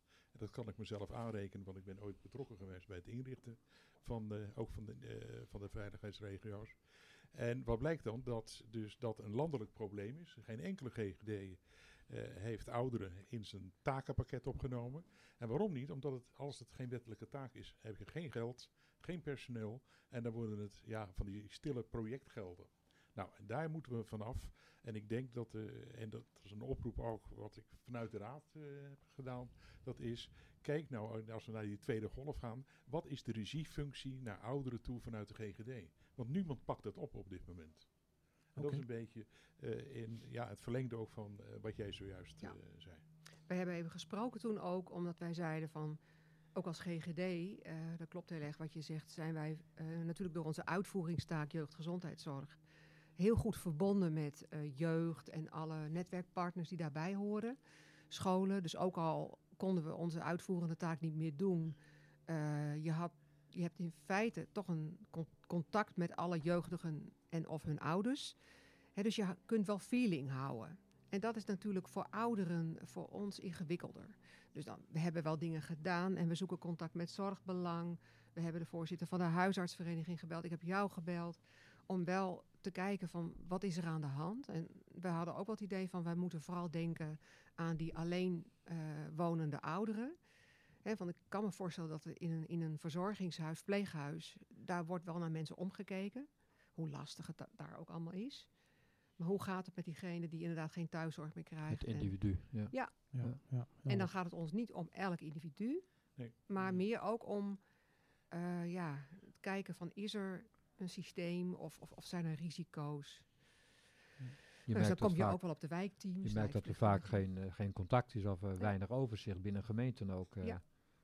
Dus eh, dat men niet weet wie eigenlijk alleen zit. Nee. Ik heb ook al meegedaan aan de bezoekmomenten dat alles die 75 eh, jaar of ouder is bezoeken enzovoort. Maar dat is eenmalig en op een Ja. gegeven moment ebt het toch Mhm. weer weg. Ja. Het is eenmaal. En ik, ik- er was laatst zelfs iemand die zei van... misschien is het wel zo dat de ouderen nog nooit zo geknuffeld zijn als eh, tijdens corona. Geknuffeld tussen aanhalingstekens. Maar Aandacht, in de zin van, ik wou zeggen, dan is het... ja, heel veel kaartjes. Ja, precies. Ja, Ja, dat, Ja. dat wel. dat is wel... Ja, ja. maar eigenlijk moet je er al, moeten we er altijd als samenleving meer bij stilstaan. Ja. Ja. Van wie heeft onze aandacht nodig. En, eh, En zijn dat ook dingen Vooral die voor, ehm, voor een toekomstige scenario's in, in de voorbereiding worden meegenomen? Hoe, hoe, eh, hoe betrekken we daarin Ja. eh, de stem van de ouderen Ja. of iets dergelijks? Ja, daar heb ik ook wel over nagedacht. Want je hoort heel veel over de tweede golf. Eh, ik vroeg gisteren aan, eh, aan collega's die echt, nou, zelf echt in die strijd staan. En die zeggen, ja, wij weten dat niet net zo goed als, als eigenlijk niemand dat weet of er één tweede golf komt. Of er is steeds weer nieuwe informatie en daar moeten wij ons toe verhouden. Ja. En gelukkig zijn we steeds meer in staat, en daar wordt natuurlijk ook landelijk heel hard aangetrokken, aan zo'n dashboard. En, maar ook gewoon kennis over het virus door allerlei onderzoek. Dus we weten steeds meer en daar moeten we op acteren. Er is nu niet zoiets van dat we nu even stilstaan en ons voorbereiden op de tweede golf. We zijn voortdurend aan het, eh, ja, aan het bijstellen eh, naar de nieuwe informatie. Ja. En wij zien ook wel dat, dat al die geluiden die er zijn geweest over ouderen, met name in verpleeghuizen, en ja, dat, dat, ja, dat er een soort ongemak en boosheid is van ja, dit, dit moeten we niet meer willen. Maar dan is het dus wel heel belangrijk dat je, dat je eventuele brandhaarden snel vindt. En, nou, zoals hier ook is gedaan, snel of goed reageren. Ja. Misschien wel heel streng. Maar om een eh, eventuele eh, brandhaard ook in de kiem eh, te smoren. Of veenbrand te blussen, zeggen ze dan Ja, ook wel. Ja. Ja, dus die monitoring is heel belangrijk. Wat ik ook misschien ook nog wel mooi is om te noemen, is wij gaan zelf. Want hè, toen jullie mij uitnodigden voor dit gesprek, toen was het wel van hoe gaan jullie eh, de ouderen meer stem geven de komende tijd? En toen dacht ik, oei, ik voorzie dat als het weer druk wordt met infecties, of, of ook nu, eh, een infectieziektearts heeft daar geen tijd voor om elke oudere uitvoerig een stem te geven. Dus je moet op een andere manier in de samenleving. Het is heel goed dat er nu al dit debat is. En wat wij bijvoorbeeld wel doen met andere met zorgpartners samen, is dat we bijvoorbeeld scholing voorbereiden. Die- die, start, dacht ik, vanuit vanaf september. Ook voor, voor management en voor werkenden in verzorgingshuizen en in het ouderenwerk. Eh, om, ja, om hun handvatten te geven, misschien wel op basis van hoe het hier is gegaan en hoe het ergens anders is gegaan. Gekoppeld aan deskundig eh, advies van infectieziekte mensen. Van ja, hoe kun je, eh, ja, hoe kan je acteren? Hoe kan je met ouderen in gesprek? Hoe kan je de cliëntenraad betrekken? Hè, dus nou, ja, daar is op zich wel oog voor. Oké. En dat gebeurt ook al. Ja. Ja. Ja, dat is misschien ook wel iets voor de Stichting Friese Ouderenbond. Hè. Dat is natuurlijk even de rol om te, te, ervoor te zorgen ook dat die stem gehoord wordt. Ja. Maar misschien ook wel bij allerlei organisaties. Maar goed, daarom zijn jullie ook in het leven geroepen natuurlijk. Ja. En laten we hopen dat daar via zo'n uitzending als deze ook eh, een kleine bijdrage aan, ge- aan geleverd wordt. Ja, maar hier doet de vraag zich gelijk voor je. Wie neemt de verantwoordelijkheid op zich om het regie te voeren? Ja. Eh, is dat het gemeentebestuur? Is dat eh, de GGD? Ja. Is, eh, of is dat een samenwerkingsverband op lokaal niveau? Het, op zich maakt mij dat eigenlijk niet zoveel uit, maar het moet wel duidelijk zijn. En op dit moment is het een soort vacuüm waar iedereen een beetje zoekende is. En de vraag is of we wel de tijd hebben om dat allemaal zo. Ik denk dat je nu moet gaan voorbereiden. Dat je nu moet zorgen dat eh, huisartsen eh, hun rol pakken in de richting van de ouderen om zaken voor te bereiden. En niet met een telefoontje op het moment dat de bedden eh, onder, hè, dus het aantal bedden onder druk staat. Ik denk dat je dat in het voortraject moet doen. En ik kan wel zeggen, we hebben, als raad hebben we een gesprek gehad met Martin Verijn in zijn nadagen. Maar hij heeft wel ter plekke een aantal ambtenaren de opdracht meegegeven. Ook gezegd van, eh, zorg dat die huisarts zijn rol echt kan vervullen. Eh, dat is ook voor de GGD natuurlijk eh, van groot belang. Maar dat betekent ook in dit geval financiën en personeel. Want een huisarts is vaak toch een medisch manager geworden. En die heeft praktijkondersteuning en dan noem maar op. En zorg dat daar dus ook ruimte komt om met ouderen wat te doen. En Op dit moment is denk ik die landelijke lijn heel belangrijk en Ja. heel sterk. Want normaal gesproken, dat is helemaal niet, eh, heb ik niet eerder verteld. Eh, de GGD is een eh, gemeentelijke dienst. Hè. Wij, wij zijn van alle Friese gemeenten. En normaal zijn de wethouders met zorg in hun portefeuille, eh, die zijn de baas over ons. En nu is dat ook even iets minder, omdat, omdat het crisis is. Ja. En dan, dat, dat staat ook in de wet, in de wet op de publieke gezondheid. Dan wordt VWS veel sturender en veel, nou ja, met het RIVM. Ja, zo is het gewoon geregeld. Dus op zich, je beïnvloeding is, zou nu ook wel heel krachtig zijn. Als je die landelijk doet, doe je ook Ja. al. Hè, dat doet de Raad voor de Ouderen al. Oké, nou, eh, eh, ik begrijp ook, dat, dat weten we volgens mij allemaal, eh, er wordt gewerkt nu de laatste hand aan de Friese aanpak preventie. En die wordt misschien wel steeds urgenter en belangrijker. Ik las ook nog, we hebben twee soorten afweersystemen, één aangeboren en één aangeleerde. En die aangeleerde, dat gaat natuurlijk om gezond gedrag. En ja, volgens mij is dat eh, in ieder geval een belangrijk iets waar iedereen eh, zi- zich individueel of als organisatie voor kan inzetten. Absoluut. Eh, is er misschien nog een laatste vraag of een laatste mededeling aan Karin? Nee? Dan, eh, Veel sterkte. Ja. tijd. Dank je.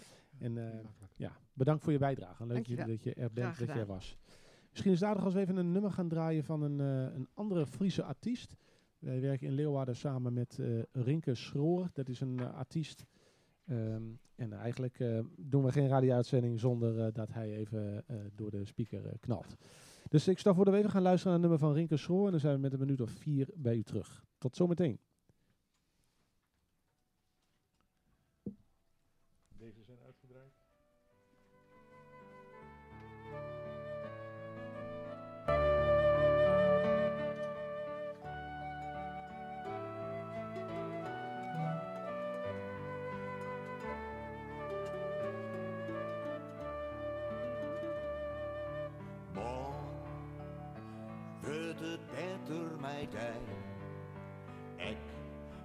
Als jongste zinnen net. Ik weet, het leven zien gang. Nou denk dan maar gauw om mij. Morgen wordt het beter mij dij. Ik als jongste zinnen net. Het leven gaat gewoon zijn eigen gang. Nou denk maar gauw om mij. Waar ben de engelen? We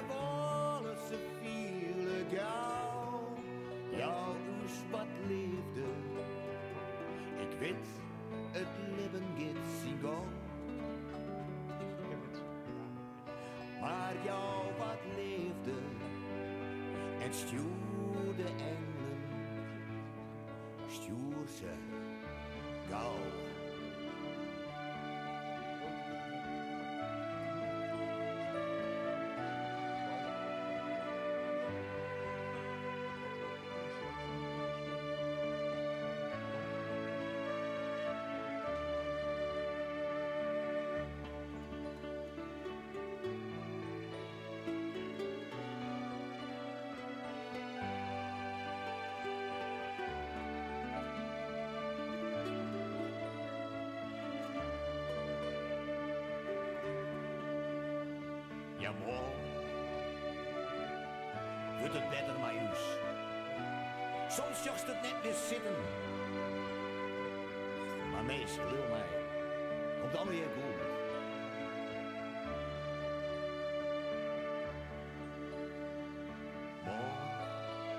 Ja wordt het beter. Beter voor jij En dat was het nummer eh, Morgen wordt het beter, maar dan op zijn Fries. En daar, ik waag me maar even niet aan die uitspraak, want ik ben geen Fries. Dus ehm Rinke Schoor was dat. Eh, vriend van de uitzending. Eh, inmiddels is eh, aangeschoven of eh, schuift aan eh van harte welkom Arike Sieben, eh, teamleider binnen Noorderbreedte. Ja. Zeg ik dat goed? Dat zeg je goed. Ehm, ik prik nog even de microfoon in. Microfoon zit ja heel lastig, vind ik. Zo. Ehm, eh, nou, we hebben eh, eerder in de uitzending een heel interessant eh, verhaal gehoord van Pietje van der Wal over coördinator welzijn. En eigenlijk dat toch best jullie hier met wat creativiteit en wat goede wil van iedereen relatief goed door de coronaperiode zijn doorgekomen. Ehm, ik ben even benieuwd, misschien als eerste, eh, eh, ehm, je bent zelf eh, teamleider. Ja. Eh, is het een bewuste keuze vanuit het, de, de leiding hier geweest om bijvoorbeeld zoveel aandacht aan het welzijn van de inwoners te schenken? Of is het eigenlijk een standaard iets wat, wat in een woonzorgcentrum aanwezig is? Nou, het is in ieder geval wel iets wat Noorderbreedte eh heel erg belangrijk vindt. Oké, Dus de he- gehele organisatie heeft welzijn eh, heel hoog in het vaandel staan. al interessant. Betekent dat ook dan voor, dat voor meerdere locaties geldt dat die corona relatief, nou, niet, niet makkelijk, maar daar is, is wel doorgekomen? Is dat, eh, Ehm, ja, er is wel doorgekomen. En natuurlijk eh, misschien op de ene locatie eh, makkelijker dan de andere. Hè. Sommige locaties waren ook zwaar getroffen met coronapatiënten. En andere locaties, zoals de speaker, hadden gelukkig geen coronapatiënten. Ja. dus dat maakt natuurlijk ook een verschil. Ik ben zelf teamleider op twee locaties. Ehm, tijdens de corona mocht ik hier niet komen, maar ik krijg wel zeilings mee. En ik denk daar is echt op allebei locaties heel veel aandacht voor welzijn geweest. Oké. Oké, nou, dat vonden wij allemaal wel een interessant ge- gegeven hier. Ik vraag me ook af, is daarin ook afstemming met andere soorten organisaties of andere misschien eh, concurrenten of conculega's eh, over hoe, hoe pakken jullie nou intern zo'n eh, zo'n corona-lockdown aan? En dat hebben wij als teamleiders niet gedaan, maar ik ga er wel vanuit dat Noorderbreedte daar wel contact over heeft met andere organisaties. Oké, oké. En ehm, ehm, er is, ehm, we leren natuurlijk allemaal en eh, stel dat er een andere pandemie of een tweede eh, golf aankomt, zijn er dan nog lessen die geleerd zijn, eh, die meegenomen worden in de aanpak naar een tweede golf? Of ga je het op, ze- op dezelfde manier weer inrichten? Ik denk dat de grootste les die wij meenemen is het betrekken van de bewoners. Oké. Ja, want je ziet nu ben je natuurlijk overvallen eigenlijk door de pandemie en door de maatregel, eh, waardoor die verpleeghuizen op slot eh, moesten. En Ja. dat, wa dat was nu deze keer, je hebt het nog nooit eerder meegemaakt. Dus eh, dat was wat het was. Maar voor een volgende keer wordt er wel meer gekeken en gesproken met bewoners. Hè, er is Oh, nu beslist veel. Oké, oké. En, en is het ook zo, want wij hadden het, eh, Koen, Gerben en ik, eh, voor de uitzending ook nog even over de, de worsteling die misschien bij bewoners of bij familieleden speelt. Maar zou je nou een, een familielid naar een woonzorgcentrum brengen als je weet dat misschien in oktober een lockdown komt en je niet meer op bezoek kunt? Mhm. Is dat nog iets wat, wat jullie horen van, van mogelijke aanmeldingen of familieleden? Is die zorg er? Die zorg is er. Ik hoor het ook van bewoners zelf. eh, die zeggen, als het weer komt, ga ik weg. Blijf ik hier niet wonen. Oh ja, oké. Eh, d- dus ja, die zorg is er zeker. Maar ehm, bij een tweede lockdown, als die er al komt, gaan we natuurlijk veel meer kijken eh, naar maatwerk. Van sluit je nou een hele locatie of sluit je een woning of isoleer je iemand zelf? eh, en wat wil die bewoner eigenlijk? Ehm, dus ik verwacht persoonlijk niet dat er weer zo'n hele grote lockdown komt als die we nu gehad hebben. Oké, oké. En eh, als ik dan even naar Gerben en Koen kijk, en jullie zeggen van, goh, dat zien we in de provincie ook wel anders. Hoe, hoe gaat dat dan daar? Is dat eh, mi- minder aandacht voor welzijn of zit het probleem ergens anders? Nou, het is een kwestie welke invalshoek je kiest. En daar loop je natuurlijk ook op lokaal niveau tegenaan. En zeker op regionaal niveau. Als je vanuit de veiligheidsregio eh, hun manier van denken als uitgangspunt neemt, dan is dat veel meer gericht op rampenbestrijding, beheersbaar maken van processen. En dan spelen individuele gevallen absoluut geen rol. Het is gewoon meer hoe overleef je. Ja. Als je vanuit de, de volksgezondheidstaak kijkt en ook de taak als bijvoorbeeld als verpleeghuis, dat heeft te maken met welzijn van individuen. Nou, dat geeft enorme spanning op het moment dat je beslissingen moet nemen. En mijn vrees is dat als de, eh, als de beslissingen op, zal maar zeggen, landelijk niveau, dan wel binnen de veiligheidsregio's moet worden genomen, dat als je het van hun alleen afhankelijk laat zijn, dan zal het individu, denk ik, een minder eh, pregnante plaats innemen. Dus we zullen in het voortraject moeten gaan kijken, vind ik, wat de positie is en de inbreng is van verpleeghuizen, en, eh, maar ook bijvoorbeeld van thuiszorg, van hoe gaan we daarmee om, om een- binnen die ellende die gaat ontstaan met de lockdown, toch een, een stukje individueel maatwerk te kunnen leveren. En dat zal de spanning zijn. Daar, eh, dat denk ik ook inderdaad. Dat het individu voldo- voldoende inderdaad aan bod komt in dat opzicht. En die spanning zorgt er dus voor dat er dus op verschillende plekken een andere Ja. eh, uitvoering van... eh, Ja, als het Nou, die- rampen, de denken. De ene organisatie denkt veel meer inderdaad, dit is me opgelegd en zo doe ik het. Ja. Maar je hebt Ja. ook andere organisaties die toch al verder kijken en die het individu al Ja. hoger in het vaandel hebben. Nou, ik stel die vraag ook even omdat eh, blijk- blijkbaar gaat het hier goed en eh, is dat eh, goed om te horen. En ik vraag me dan af, zijn er dan andere organisaties die bijvoorbeeld contact opnemen met Noorderbreedte? Van, goh, hoe doen jullie dat? En eh, kunnen we daarvan leren of van elkaar? Ja. Hè, dus dat, eh, Ik, ik denk voor de goede orde, ook wij moesten natuurlijk wel mee in die harde maatregelen en in die regels hoor. En ik denk dat we binnen de locaties heel erg hebben gekeken hoe kunnen we er binnen wat we kunnen het beste van maken. ja, precies. Oké. Nou, het zou een stuk provinciale coördinatie kunnen zijn hè, over te huizen van hoe, hoe gaan eh, directies nou eens met elkaar in contact. Hoe kunnen we daar gezamenlijk toch een bepaalde weg in, eh, in vinden. Zodat Ja, ja, iedereen daar toch zijn voordelen mee kan Ja, hebben. maar het zou heel goed zijn als eh, besturen van verpleeghuizen eh, on- eh, vanuit de provincie of vanuit gemeente de boodschap krijgen van dit is wel hè, het grote beleid, maar ga nu zelf maatwerken ontwikkelen. Ja. En ik heb een aantal gevallen gezien, en niet in Friesland, maar elders in het land, dat besturen eh, ja, eigenlijk op de knieën gingen voor die lockdown-brief. En verder geen enkele actie meer hebben ondernomen dan alleen maar de zaak op slot zetten. Nou, ik denk dat je daar dus eh, ja, meer st- betere stappen moet maken. Ja, helder. Oké. Nou ja, dan is het eigenlijk eh, best wel een positief verhaal voor, voor waar we nu zitten. Hè? Ja. En dat is dan, eh, als ik dan even voor de uitzending iets waar, waar, waar partijen hopelijk van kunnen leren. En, Ja, eh, zeker. Ja, zou, je- zou je ze nog iets mee willen geven? Stel dat we dit eh, fragment of deze uitzending delen achteraf met andere organisaties. Een do of een don't, eh, wat, eh, wat moeten ze wel of niet doen? Eh, jeetje, ja, ik, ik denk vooral het welzijn van die bewoner voorop stellen. Ja, oké. binnen wat mogelijk is. En vooral creatief zijn. En inderdaad. creatief zijn. Ik heb ja. ervaren dat het hier toch op een Ja. hele specia- speciale manier is gegaan. Ja. En Ja. ik denk dat die dus veel breder ingezet kan worden. En, en, en inderdaad ook met elkaar optrekken. Je moet dit Ja. echt samen doen. Je hebt Ja. elkaar hartstikke hard nodig.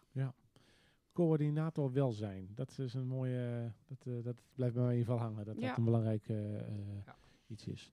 Oké, nou ontzettend bedankt voor, eh, voor je bijdrage, Graag zou ik zeggen. Eh, en eh, nogmaals bedankt ook dat we hier eh, mogen zitten. Graag allemaal gedaan. dik voor elkaar hier. Ehm, even kijken, misschien is het aardig dat wij, want wij, eh, ik heb eerder, eh, namelijk vorige week, een gesprek gevoerd per telefoon met eh, eh, de Zuidoostzorg, eh, twee collega's daarvan. Is het een idee dat we naar dat gesprek even gaan luisteren? Ehm, ik heb namelijk een eh, gesprek gehad met, dat moet ik even goed zeggen, Roelfien Erasmus. Zij is manager zorgtechnologie bij Zuidoostzorg. En Michel Dijkman, projectmanager Soenens. Ehm, en we hebben eh, met beide personen een gesprek gevoerd over... kan technologie nou helpen in een eventuele tweede lockdown? Zijn, zijn er nou dingen die aan de deur kloppen, initiatieven, innovaties... die, nou, die, die ons of de ouderen kunnen helpen? En eh, eigenlijk hoorden we al even dat eh, nou, mevrouw Klein zich eigenlijk met de telefoon prima redde. Hè, eh, dus de vraag is misschien, moet daar iets heel nieuws voor komen? Maar ehm, met jullie goed vinden gaan we luisteren naar het gesprek. En dan kunnen we er achteraf even op reageren. Ik voer het gesprek samen met Daan Bultje, directeur van het Healthy Aging Netwerk. Ehm, nou, hier komt het gesprek. Aan de telefoon eh, hebben wij eh Roelfien en Michel. Ehm, eh, hallo, goedemiddag. Goedemiddag. Hey. Eh, van Zuidoostzorg, eh, dan wel Soenens. Eh Soenens, hoe spreek ik het goed uit, eh, Michel? Ja, knap, knap, Soenens. Ja, dat is Fries, hè? Dat is niet Echt Fries. Fries. Ja, Ja, dat is goed. Gaat, gaat al vooruit. Dat gaat heel goed. Ja. Ja, ja goed zo. Eh, zou je kort eens iets willen vertellen over eh Soenens? Eh, Ja, het een initiatief? goed. Wat is het? Ja, dat is goed. I- is een vereniging. Het bestaat dan even. en dat richt zich echt op ouderen thuis. En wat we dan voor ogen hebben is een actieve leefstijl. Omdat we geloven dat een actieve leefstijl helpt bij het verouderingsproces zoveel mogelijk te voorkomen. Want uiteindelijk willen we zo gezo- gezond en goed mogelijk thuis wonen. En we geloven dat we dat alleen samen kunnen. En ten eerste hebben we daar de ouderen met wie we samenwerken, vertegenwoordigd in ouderenbonden, maar natuurlijk ook met huisartsen, eh, het ziekenhuis in Smellingen, het regionaal ziekenhuis hier, Eh, maar, maar, maar ook zorgpartijen zoals Zuidoostzorg. Eh, en Zuidoostzorg is ook de, de, de founder zeg maar, van, de, van, de, van de vereniging Soenens. Soenens staat trouwens voor proost. Proost op je gezondheid. Op die van jou en op die van mij. Juist, heel Ja. goed. Ja. En, wat doen jullie, eh, en wat doen jullie allebei? eh, wat is jullie rol in dit, eh, in dit geheel? Eh, de dames eerst. Roefie, wat is je rol? Nou, binnen Soenens eh ondersteun ik Michel als het gaat over technologie. Maar mijn rol is programmamanager zorgtechnologie binnen Zuidoostzorg. Dus binnen Zuidoostzorg hou ik mij bezig met eh, de mogelijkheden van eh, technologie in eh, het eh, verbeteren, dan wel het efficiënter maken eh, van de zorg. Het zijn meestal dingen die weer hand in hand gaan, maar het gaat eigenlijk altijd om het verbeteren eh, van de zorg. En eh, in de meeste gevallen heeft het dan weer effect op de efficiëntie. En bij Michel, eh, in binnen Soenens, ehm, ondersteun ik met name in van goh, welke technologie zou in, in de thuissituatie ouderen kunnen helpen om ja, inderdaad op de manier waarop zij zelf graag willen thuis te kunnen blijven wonen. Oké. Misschien eh, voordat we daar wa- wat dieper op ingaan. ehm, eh, de, de afgelopen periode, de corona-lockdown, eh, hoe, hoe hebben jullie dat ervaren? Jullie als organisatie, maar ook voor de, voor de, mede, voor de medewerkers en voor de, voor de bewoners? Nou, misschien is het goed, want ben ik zelf voor een deel niet bij geweest. Dat, en Michel heeft dat eh, heel erg actief meegemaakt, dat hij daar antwoord op geeft. Ja, dat is goed. Ja, inderdaad. Ik, ik, ik zat in, in, in het crisisteam en ik heb het als een, ja, toch wel als een hele bijzondere eh, situatie ervaren. Waar- Waarbij natuurlijk ook wel een stuk spanning eh, heerst. Want eh, we hebben, als het Oostzorg natuurlijk heel veel kwetsbare ouderen, aan wie, wie, wie, we zorg en ondersteuning verlenen. Die willen natuurlijk niet dat daar corona ontstaat, omdat we de gevolgen dan dan kennen. Aan de andere kant willen we ook goede zorg blijven weten. We hebben heel veel collega's die natuurlijk ook een soort spanning hebben. En thuis, privé. Hoe doe je dat nou? Maar je hebt ook nog de zorg te verlenen op, op de afdelingen. Dus ehm, ja, ik vond het wel een heel, heel bijzondere uh, situatie. Waarbij aan de ene kant heel veel spanning is. Maar ik vind ook dat we, als we de krachten bundelen en heel gestructureerd aan het werk gaan, dat we ook weer heel ver komen om om te kunnen gaan met een moeilijke, met een moeilijke situatie.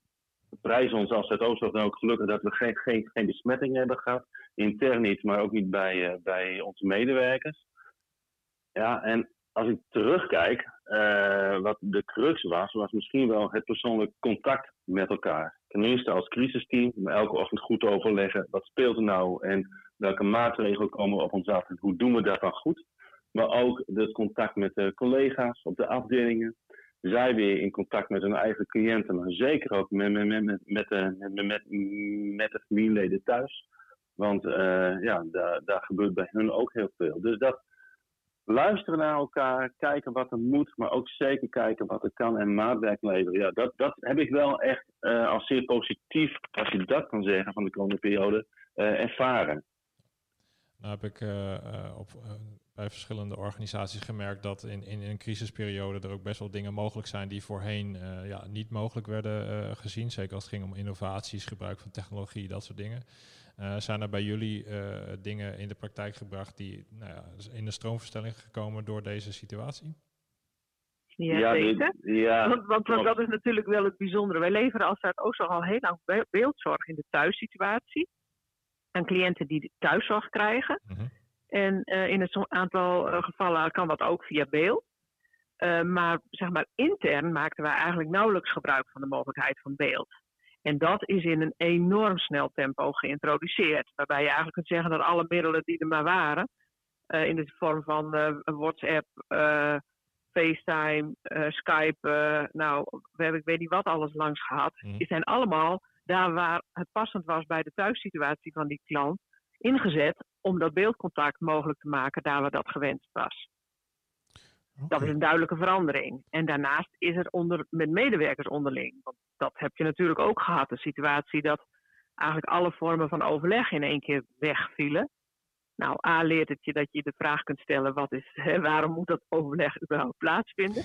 maar dat is een andere discussie. Ja. Maar vervolgens zie je toch de wens om elkaar te zien. En dat in een versneld tempo uh, de mogelijkheden van zeg maar, het, het via beeld met elkaar overleggen of contact hebben heel erg snel uh, zijn ingevoerd. En die gaan ook niet meer weg. Hè? Als we nou iets hebben over gaat er, gaat er iets blijven. Hè? Ik, ik vermoed dat dit wel iets is wat blijft. Want men ervaart gewoon het gemak ervan. En, en is dat iets uh, uh, waar er al uh, scripts voor klaar lagen bij jullie? Of is het echt gewoon improviseren geweest de afgelopen tijd? Nou, zeg maar het beeldbellen als, als collega's, als medewerkers. Ehm, dat lag eigenlijk wel min of meer in de planning, maar niet nu, zeg maar. Dat lag wel wat, wat verder in de toekomst. En het gebruik maken van, uh, van, van, van beeld voor contact met de buitenwereld, uh, dat lag niet klaar. Want er was natuurlijk op zich, wij deden dat wel eens. Op, in die situaties waarbij we hier uh, een bewoner hadden die zeg maar een zus heel ver weg had wonen en ze heel graag elkaar een keer wilden zien. Maar dat werd dan op individuele vraag georganiseerd.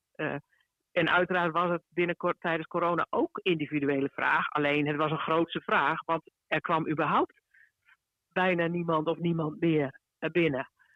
Dus iedereen had, had, kon die wens hebben om zijn naast te zien. En, dus de, okay. en daar waren we niet op voorbereid.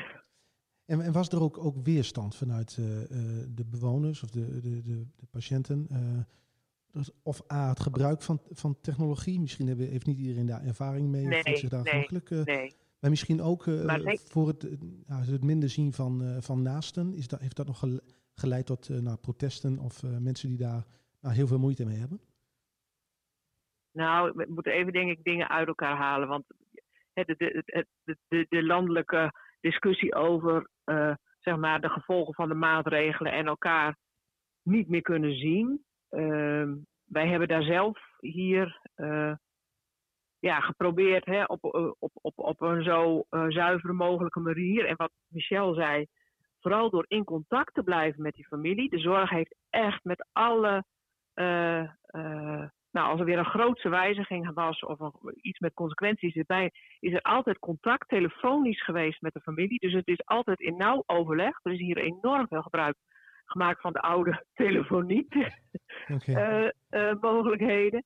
Vooral om dat contact goed te houden. Ehm, en ik denk dat de evaluaties nu al wel laten zien dat de, de, de maatregelen die getroffen zijn, eh, dat, dat men daarop terugkomt. Hè? Dat je toch bij een eventueel tweede golf dat wel anders zou moeten doen. En nog veel meer maatwerk, ook echt op het gebied gericht op de regio, dan wel op een specifiek verpleeghuis. En moet kijken wat kan daar. En ik denk dat er dan zeker dingen beter kunnen.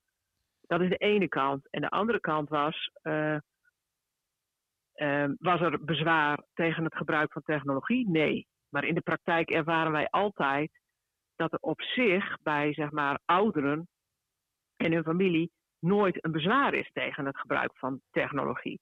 Dat het altijd, als het, als het een probleem zit, zit in de ingewikkeldheid van die technologie. Want in heel veel gevallen sluit eh, zeg maar het gebruiksgemak niet aan bij, de, bij de, de vaardigheden of de mogelijkheden bij de, bij de gebruiker dan over zou moeten beschikken. Maar dat was nu ook niet aan de orde. Want binnen de muren, tenminste binnen de muren was dat niet aan de orde. Want de zorg die bediende die WhatsApp wel. Ja. Of die startte de FaceTime op. Nou, dan, dan was het klaar. Want dan werkt het. En dan hoeven ze dat ook verder niet. En dan waren ze heel blij. Hè, als ze die wens hadden om te, op afstand iemand te kunnen zien en spreken. Dat dat dan mogelijk was. Maar als je dan kritisch bent, dan zou je natuurlijk ook kunnen zeggen dat had voor die tijd ook gekund. In de zin van eh, als, als eh, de techniek als het ware te ingewikkeld is, dan had dat natuurlijk. Er is dus blijkbaar wel een soort noodzaak geweest om over die drempel heen te gaan. Nou, dat weet ik niet, want ze hadden die wens nu nooit. Wat ik zei, daarvoor, als die wens er was, dan werd dat altijd op individueel niveau ingevuld. Ja. Dus het is een soort Alleen, nu- collectieve beweging geworden. Het is een collectieve beweging. Waarom? Omdat degene die anders bij hun op bezoek kwam, nu niet meer kwam. Anders was die wens, als diegene op bezoek had kunnen komen, dan was de wens niet ontstaan. En als we nou eens. eh, Er was een urgentie. Ja, precies. En als we nou eens vooruitkijken, hè, dus, dus eh, nou goed, er wordt gesproken over een tweede golf, maar het kan natuurlijk ook zo zijn dat, eh, dat die uitblijft, zeker omdat het noorden natuurlijk redelijk goed hier doorheen is gekomen. Eh, als we nou kijken naar de toekomst van zorgtechnologie over de komende 1, 2 jaar, eh, wat, wat zouden dan de, Mhm. de belangrijkste trends eh, worden op dat gebied? Nou, dat, dat, dat vind ik altijd een reuze ingewikkelde. Eh, en, en, en ik wou nog even, hè, want, want wij hebben het, we spreken altijd over de verpleeghuizen. Wij hebben ook nog een thuiszorg. En Soenens, Soenens richt zich in de breedte op ouderen thuis. En dat is eigenlijk waar voor een deel bij Michelle en mij de grootste zorg heeft gezeten tijdens corona. Want 95% van de, pakkenweg 95% van de ouderen woont thuis. Hè? Ja. En kijk, die mensen die bij ons wonen, daar is in ieder geval aandacht. Daar zitten mensen omheen, om het maar zo te zeggen. De zorg is er iedere dag. Terwijl er is ook een groep ouderen geweest in de thuissituatie, waar wij echt mee bezig zijn geweest van hoe kunnen we die nou, waarvan toch, omdat wij samenwerken met de welzijnsorganisatie, met de gemeente, van waar wij, van wij wisten, die zijn echt wel alleen. Maar dat is veel ingewikkelder. Hoe hebben die jullie dat, dan, hoe hebben jullie eh, dat aangepakt? Nou, we, Nou, we- ja, we, zal ik daarop maar. aanvullen? Ja. we, we, we werken samen met, met, met, met vrij veel, ja, noem ik maar, maar spontaan geor- georganiseerde groepen rondom bepaalde thema's of omdat mensen elkaar hebben gevonden of dat ze sporten. Wat we hebben gedaan is dat we deze mensen of de coördina- co- co- coördinatoren ervan hebben gebeld met de vraag wat kunnen we voor jullie doen? Dat is de eerste. Ze stellen meteen de vraag terug wat kunnen we voor jullie doen? Dat is ook heel mooi. Eh, maar we hebben het er ook gewoon over gehad. Van, hoe, hoe ga je daar, daar nu mee om in deze situatie? Rondom corona waarin je elkaar niet, niet, niet kan zien en spreken. En wat is dan, wat is dan belangrijk daarin? En een van de meeste dingen die, of belangrijkste dingen die we continu hebben gezegd, ja, je moet in contact blijven. En het maakt eigenlijk niks uit hoe. Als we niet heel dichtbij kunnen zijn en de telefoon werkt, dan ga je bellen. En werkt WhatsApp, dan ga je WhatsAppen en gebruik FaceTime. Maar ook, maakt niet uit. Als je maar bij elkaar, met, elkaar in contact bent. In ieder geval ten eerste omdat je dan weet dat je niet meer alleen bent. Dus je, je hebt de herkenning. Maar de tweede is natuurlijk de signaalfunctie. Is er wat aan de hand? Dan konden mensen ons bellen en dan kunnen wij onze deskundigen weer inschakelen. Een deskundige verstaat een, maatschappelijk werk of, of, het, uh, of een psycholoog. Of we kunnen doorverwijzen naar, naar, naar de maatschappelijke ondersteuning hier, hier, hier in Somaliland. Dus het continu in contact blijven met elkaar het delen van de problematiek, daar hebben wij echt als basis gezien van ja, dat is echt, was al wezenlijk belangrijk, maar het is nu helemaal wezenlijk belangrijk. En ik denk, hè, want, want je de, maakt onderdeel van elkaar. Ja, op zich, ja, uh, nou, ik ben benieuwd, hè, want ik kan me inderdaad voorstellen dat dat een, een, goede tip is, of dat dat een goed belangrijk onderwerp is om je op te richten, maar hoe werkt het eigenlijk in de praktijk? Is dat, is dat wel zo makkelijk om, ja, als 95% van de ouderen thuis woont, uh, ja, hoe, hoe, krijg je dat voor elkaar? om die boodschap bij iedereen te laten landen? Ja, klopt, klopt. Nou, en, en, dan, dan, dan, dan is iedereen veel. Dus dat, dat, is, dus het eerste al. Dus dat heb ik echt wel geleerd. Want ik ben ook zo'n enthousiast iemand die nou, de wereld twee keer wil, uh, wil, wil redden. Dat lukt gewoon niet. Dus iedereen, ten eerste is dat goed. Hè? Iedereen is veel. We verschillen veel van elkaar, met name als we ouder worden, verschillen nog iets meer van elkaar. Dus maatwerk is belangrijk. En soms lukt dat en soms lukt het ook niet. Maar wat ik wel zie om ons heen, is dat groepen heel goed werkt. Omdat je elkaar dan kent, dus je spreekt elkaar iets meer aan, je durft iets meer te zeggen, iets meer te delen, zodat je de ander de mogelijkheid geeft om jou te helpen. En je voegt soms iets makkelijker toe aan een groep die je kent of waarvan je één iemand kent. En zo ontstaat er een sneeuwbouweffect. Uh, en wat ik ook heb gezien is dat je het niet moet willen sturen als professionele organisatie. Je moet het ondersteunen. Vragen oplossen, net een setje in de rug, mensen verbinden. En dan volgt dat zich wel. Ik ken een groep uh, uh, op een tweetal verdeeld, twee dames hier in Smangeland, die hebben 60 alleenstaande ouderen, zoals zij dat dan noemen, hebben ze zich aan, aan, aan, aan elkaar verbonden. En dat is gewoon ontstaan. Vanuit een visie, vanuit een passie voor de ander. Jongens, we doen eens wat leuks. En omdat die drempel zo laag, zo laag is, is het voor anderen makkelijker om toe te voegen tot die groep. Maar we weten ook dat we niet iedereen bereiken. Dus ik wil het ook niet mooier maken dan het is. Dus uh, we zien een aantal mensen zien we gewoon niet. Die zijn niet in beeld. Mm-hmm. Ja, en dat is tijdens de coronatijd is dat ook schrijnend. Ik bedoel, hè, sommige mensen, die een heel, ik sprak een meneer die zat vol in het sociale netwerk. Die had bijna de tranen in de ogen, want alles viel weg rond rond hem. Gelukkig is hij veerkrachtig, dus hij komt er wel weer. Dus dat scheelt. Maar voor iedereen ja, is dat toch, toch, toch, toch iets anders. Maar wat ik heb geleerd om goed te kijken, wat is nou je eigen functie? Wat is je eigen functie als Soenens? En hoe kan je wat er ontstaat, hoe kan je dat faciliteren en ondersteunen? Dat is mijn les geweest in deze periode.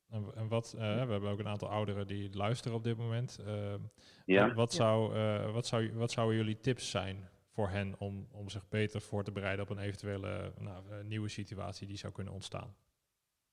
Nou, mijn, mijn eerste tip is om proberen over een stukje spanning heen te stappen om toch naar mensen toe te gaan. Toch onderdeel te worden van een groter geheel. Mhm. En we weten dat dat voor heel veel mensen, ook voor mezelf, als ik in een groep, nieuwe groep binnenkom, moet ik ook even slikken. En dat zal voor hen ook gelden. Maar de uitdaging is, ik hoorde het laatste uh, professor, professor Scherder nog zeggen, uh, uitleggen, die beaamde dat ook. Die zei dat is een stap, maar je kan het ook zien als een lerend iets. Je leert weer om nieuwe dingen te doen, nieuwe stappen te maken. Dat is goed sowieso voor, voor je hersens, maar daarmee maak je ook onderdeel uit van een, van een groter geheel. Dus mijn eerste grote tip is: kijk of je ergens de kracht of de steun kan vinden om toch een kleine stap te maken naar niet meer alleen zijn. Hoe klein dat ook is, begin dan klein. Dus dat is mijn, mijn grootste tip. En de gaat ook wat zeggen volgens mij.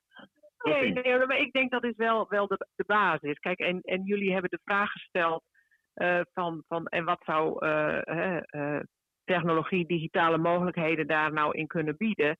Dan, kijk, ook dat is weer daar waar, waar je stappen durft te zetten, zou ik zeggen.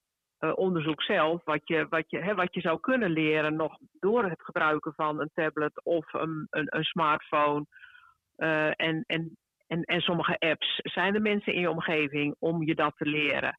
Maar goed, ook daar is de realiteit, dat weten we gewoon inmiddels uit de praktijk, dat een groep is die, nou, waar je dat niet meer van, van, van moet willen vragen. Omdat dat het uh, een wereld is die, die, ja, die, die aan hun voorbij gaat.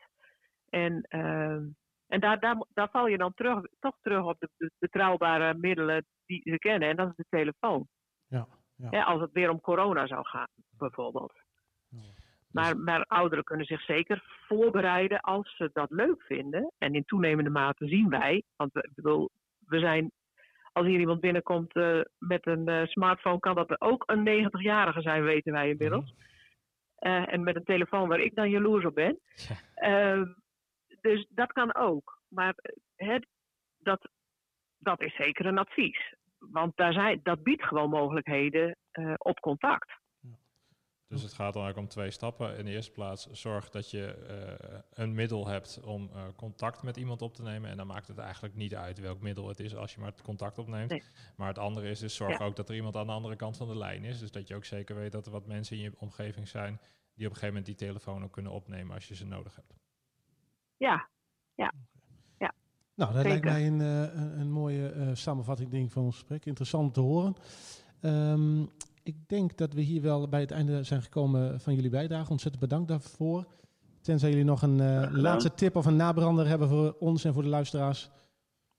Nee, dankjewel. Leuk, eh, Ja, leuk, om, leuk. het Zo, om, om zo over zo'n zo'n stuk belangrijk onderwerp te, te, te spreken. Dus eh, dank ervoor. Nou, zeer, jullie ook. eh, zeer bedankt voor jullie tijd en heel veel succes in de komende periode. Ja, bedankt. Oké, Dankjewel. En jullie een mooie uitzending verder. bedankt. dankjewel. Ja. Tot ziens. Oké. Goed, dat waren Roelfien Erasmus en Michel Dijkman van de eh, Zorggroep Zuidoost. Ehm, nou, we hebben dus eh, gehoord eh, ehm, ja, van de manager zorgtechnologie. Gaat het dus eigenlijk vooral om het persoonlijke contact en de telefoon werkt daarin prima. Dus, eh, of viel je nog iets anders op in het gesprek? Ja, ik, ik denk dat het wel van belang is om even naar aanleiding van deze, dit interview wat te zeggen. Want gisteren heeft, heeft de Raad bijvoorbeeld een ICT-advies aan de minister van VWS aangeboden. Daar ga ik verder even niet op in. Maar wat wel van belang is, wat net over de tafel ging, dat is van dat in de ontwikkelfase van applicaties gebruikers, in dit geval ouderen, al betrokken zouden moeten worden. Te vaak zie je, hè, dus, eh, er werd ook gezegd, die ingewikkeldheid Ja. eh, voor gebruikers. Nou, dat zou je kunnen oplossen door heel vroeg in het bouwfase van een applicatie gebruikers eh, hun positie te geven die ze eh, ook eh, verdienen. En je moet voorkomen dat de ICT-techneuten gaan bepalen wat wij leuk vinden. Want dat gebeurt eh, iets te vaak. Ook de suggestie zit in het verhaal dat eh, er is een achterstand eh, bij ouderen. En de frictie wordt vaak over tafel gehaald. De komende generaties ouderen zullen die achterstand wel gaan inlopen. Nou, dat vind ik dus droomdenken, om geen ander woord te gebruiken. Want eh, de eindstreep van eh, ICT is geen stationaire streep. De Mhm. ontwikkelingen van ICT gaan razendsnel. Ik zit zelf redelijk in de ICT, maar ik ben ervan overtuigd dat ik een aantal ontwikkelingen die ik nu zie gebeuren, dat ik daar de grootste moeite mee zal hebben Ja. om ze dadelijk te gaan gebruiken. Ik denk aan holografie en dat soort eh, grappen. Dus laten we in ieder geval niet vergeten dat er altijd toch een categorie zal zijn die sowieso geen toegang heeft. Maar ook mensen, hoe ouder je wordt, zal de achterstand op ICT toenemen. Dus eigenlijk wat we ook zagen hier in het woonzorgcentrum De Spieker. De persoonlijke aandacht voor welzijn. Hoe, zit Ja. je in je vel en waar kun je terecht? Dat geldt eigenlijk ook. Ja, techniek kan een middel zijn, maar het gaat dus vooral om dat stuk. hè? Maar wat zij, wat zij ook zeggen, dat 90% hier niet woont. Hè, dus die, die zijn Alleen individueel thuis, ja. bezig. Ja. Hier in Hardeling ik heb, heb je het een ook aantal... met name over ouderen die thuis Ja. wonen hoor. Maar hier heb je in Hardeling heb je een aantal telefooncirkels. Ja. Die kunnen ook al een, een, eh, Ja. een deel daarvan eh, vullen. Maar de technologie meer toespitsen op de ouder en het gebruik daarvan is denk ik voor die groep heel belangrijk. En eigenlijk is er een soort parallel met, eigenlijk is dus de oproep van betrek ouderen meer in het ontwikkelen van techniek. Absoluut. Ja. Maar dat geldt eigenlijk ook voor het gesprek wat we eerder met eh, Karin eh, Ook. Ja. voerden. En ik werd nog even getipt op een overlegorgaan, het regionaal overleg niet acute zorg. Zijn jullie daarmee bekend? Ja. Ik niet. Niet echt. Want als ik me niet vergis, gaat dat om een overleg waarin ook eh, eh, in sommige gevallen eh, maatregelen worden besproken. En wellicht zou dat een gremium kunnen zijn waar eh, Ja. iemand van de Stichting Kijk, Ouder De Friese laatste tijd wel van gehoord, omdat eh, eh, Ja. die, die zorg eventjes niet meer aan de orde was. Ja, precies. Ja. Dus Wij- niet. Wij hebben eh, vanuit het SFO hebben we een En ja, het, ligt, het is nog in concept. En het gaat over de wens die we hebben om een zorgtafel in Friesland te organiseren. Waar alle partijen die dus bij ouderen betrokken zijn aan de tafel zitten.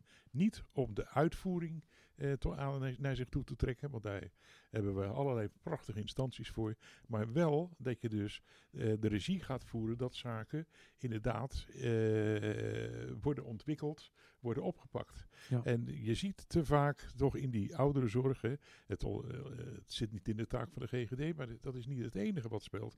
Het is natuurlijk ook gewoon, je moet wel zorgen dat het niet eh, voortdurend links en rechts dingen worden ontwikkeld en niet met elkaar gecommuniceerd wordt. Ja. En want je kunt je euro maar één keer uitgeven.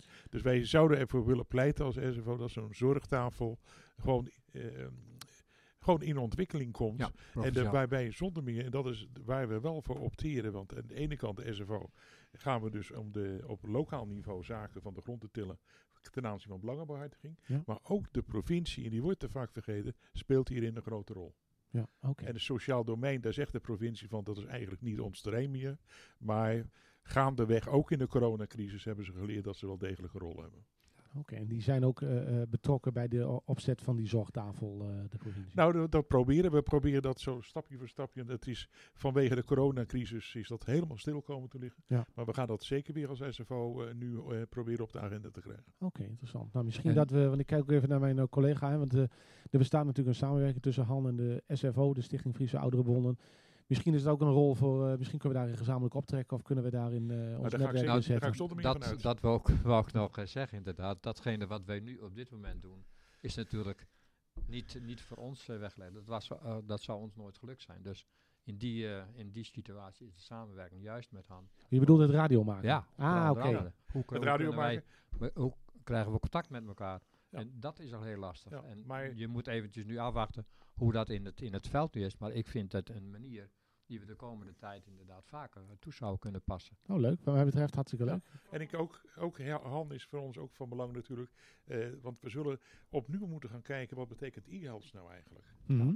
Want we gaan iets te makkelijk om met die iPads over de schutting te gooien. We zullen heel goed moeten kijken hoe we dat heel gericht gaan doen. En daar hebben we Han als organisatie ook bij nodig. Ja, nou, dat lijkt me een goede.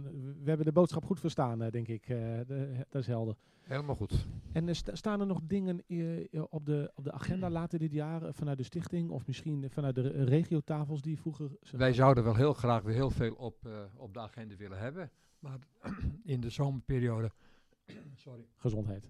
is het sowieso eh, minder. Maar ik merk ook nog niet dat er in het veld, in onze achterbaan, op dit moment activiteiten zijn die heel snel opgepakt gaan worden. Nee, de corona heeft natuurlijk voor onze achterban ook zijn consequentie gehad. En daar ligt het ook stil. En waar, daar wij als SFO de belangenbehartiging op lokaal niveau willen triggeren. En eh, waar het niet is van de grond zien te tillen. Ja. Ja, daar ligt het op dit moment ook gewoon stil. Precies, ja. ja, ja. ja. En daar zouden wij ons nou juist exact eh, extra op inzetten. Gemeentelijk inderdaad de belangenbehartiging van de ouderen centraal, meer centraal stellen. Helder. En dat, ja, dat ligt eh, op dit moment helemaal stil. Nou, misschien is het aardig als mensen ook zitten te luisteren of dit achteraf terugluisteren als er suggesties zijn eh, voor onderwerpen. Wat mij betreft, eh, het, eh, het is mij goed bevallen, deze setting. Zo, dus eh, misschien kunnen we nog eens een keer eh, eh, mailen of praten over een vervolg daarvan. Ehm, mensen nou, we gaan zeker nog verder in, in contact met eh Alet en, en de anderen hoor. Dus, Nou, nee, maar kijk. ik, eh, ik neem die eh, uitnodiging graag aan. Oké, Ja. nou, wat mij betreft hierbij afgesproken. Ehm, ik zit even te denken. Ik denk dat we het einde zijn gekomen dan van onze uitzending. Ehm, ik denk een beetje de rode draad is volgens mij gebleken. Ga vooral met elkaar in gesprek en eh, hoor elkaar. Hè, volgens mij is dat eh, zowel als organisaties onderling, eh, maar ook be- bewoners in een zorgcentrum. Ehm, nou, ik hoop dat iedereen die geluisterd heeft daar iets aan gehad heeft. En ehm, ik zou zeggen, hou onze eh, mediakanalen in de gaten voor een eventuele volgende Ja. uitzending. Ik heb ervaren dat er meer mogelijk is dan wij denken. Dat, dat doet mij goed. Nee, iedereen moet zich op techniek laten bijspijkeren continu. Misschien is er nog wel één leuke laatste opmerking die je kan plaatsen. Is dat, eh, misschien weet niet iedereen dat, maar de bibliotheek heeft natuurlijk een rol in de maatschappij. Namelijk het bijbrengen van basisvaardigheden. Daaronder valt ook basisvaardigheden als het gaat om techniek en digitale eh, toepassingen. Dus als iemand thuis zit en denkt, hoe werkt FaceTime? Dan kun je dus contact opnemen met de bibliotheek en die helpen je daarmee. Dus dat is misschien nog even een leuke tip, eh, eh, even tussendoor. Maar eh, misschien over de biep later meer als een andere uitzending doen. Ehm, ik denk dat we dan gaan afsluiten met een nummer van Wiebe van Dijk, onze lokale artiest. Ehm, ik heb overigens ooit een. Wij maken dus radio in Leeuwarden. En ik sprak eh, vorige week met Radio Leo. En die zijn dus Leo. ooit begonnen hier in een rode boot. Ja. Dat ken jij, Gerben? dat ken ik, ja. Oh, ja, ik dacht, ik check nog even of dat klopt. Maar dat Ja, klopt dat dus. even kijken. Ehm, Wiebe van Dijk, de Superband, zo heet het eh, nummer. Ja, ik stel voor dat we gaan luisteren naar het nummer Rock and Roll is King. Dat is nog een mooie afsluiter voor, de, voor deze uitzending. Ehm, bedankt voor het luisteren en graag tot een eh, volgende keer.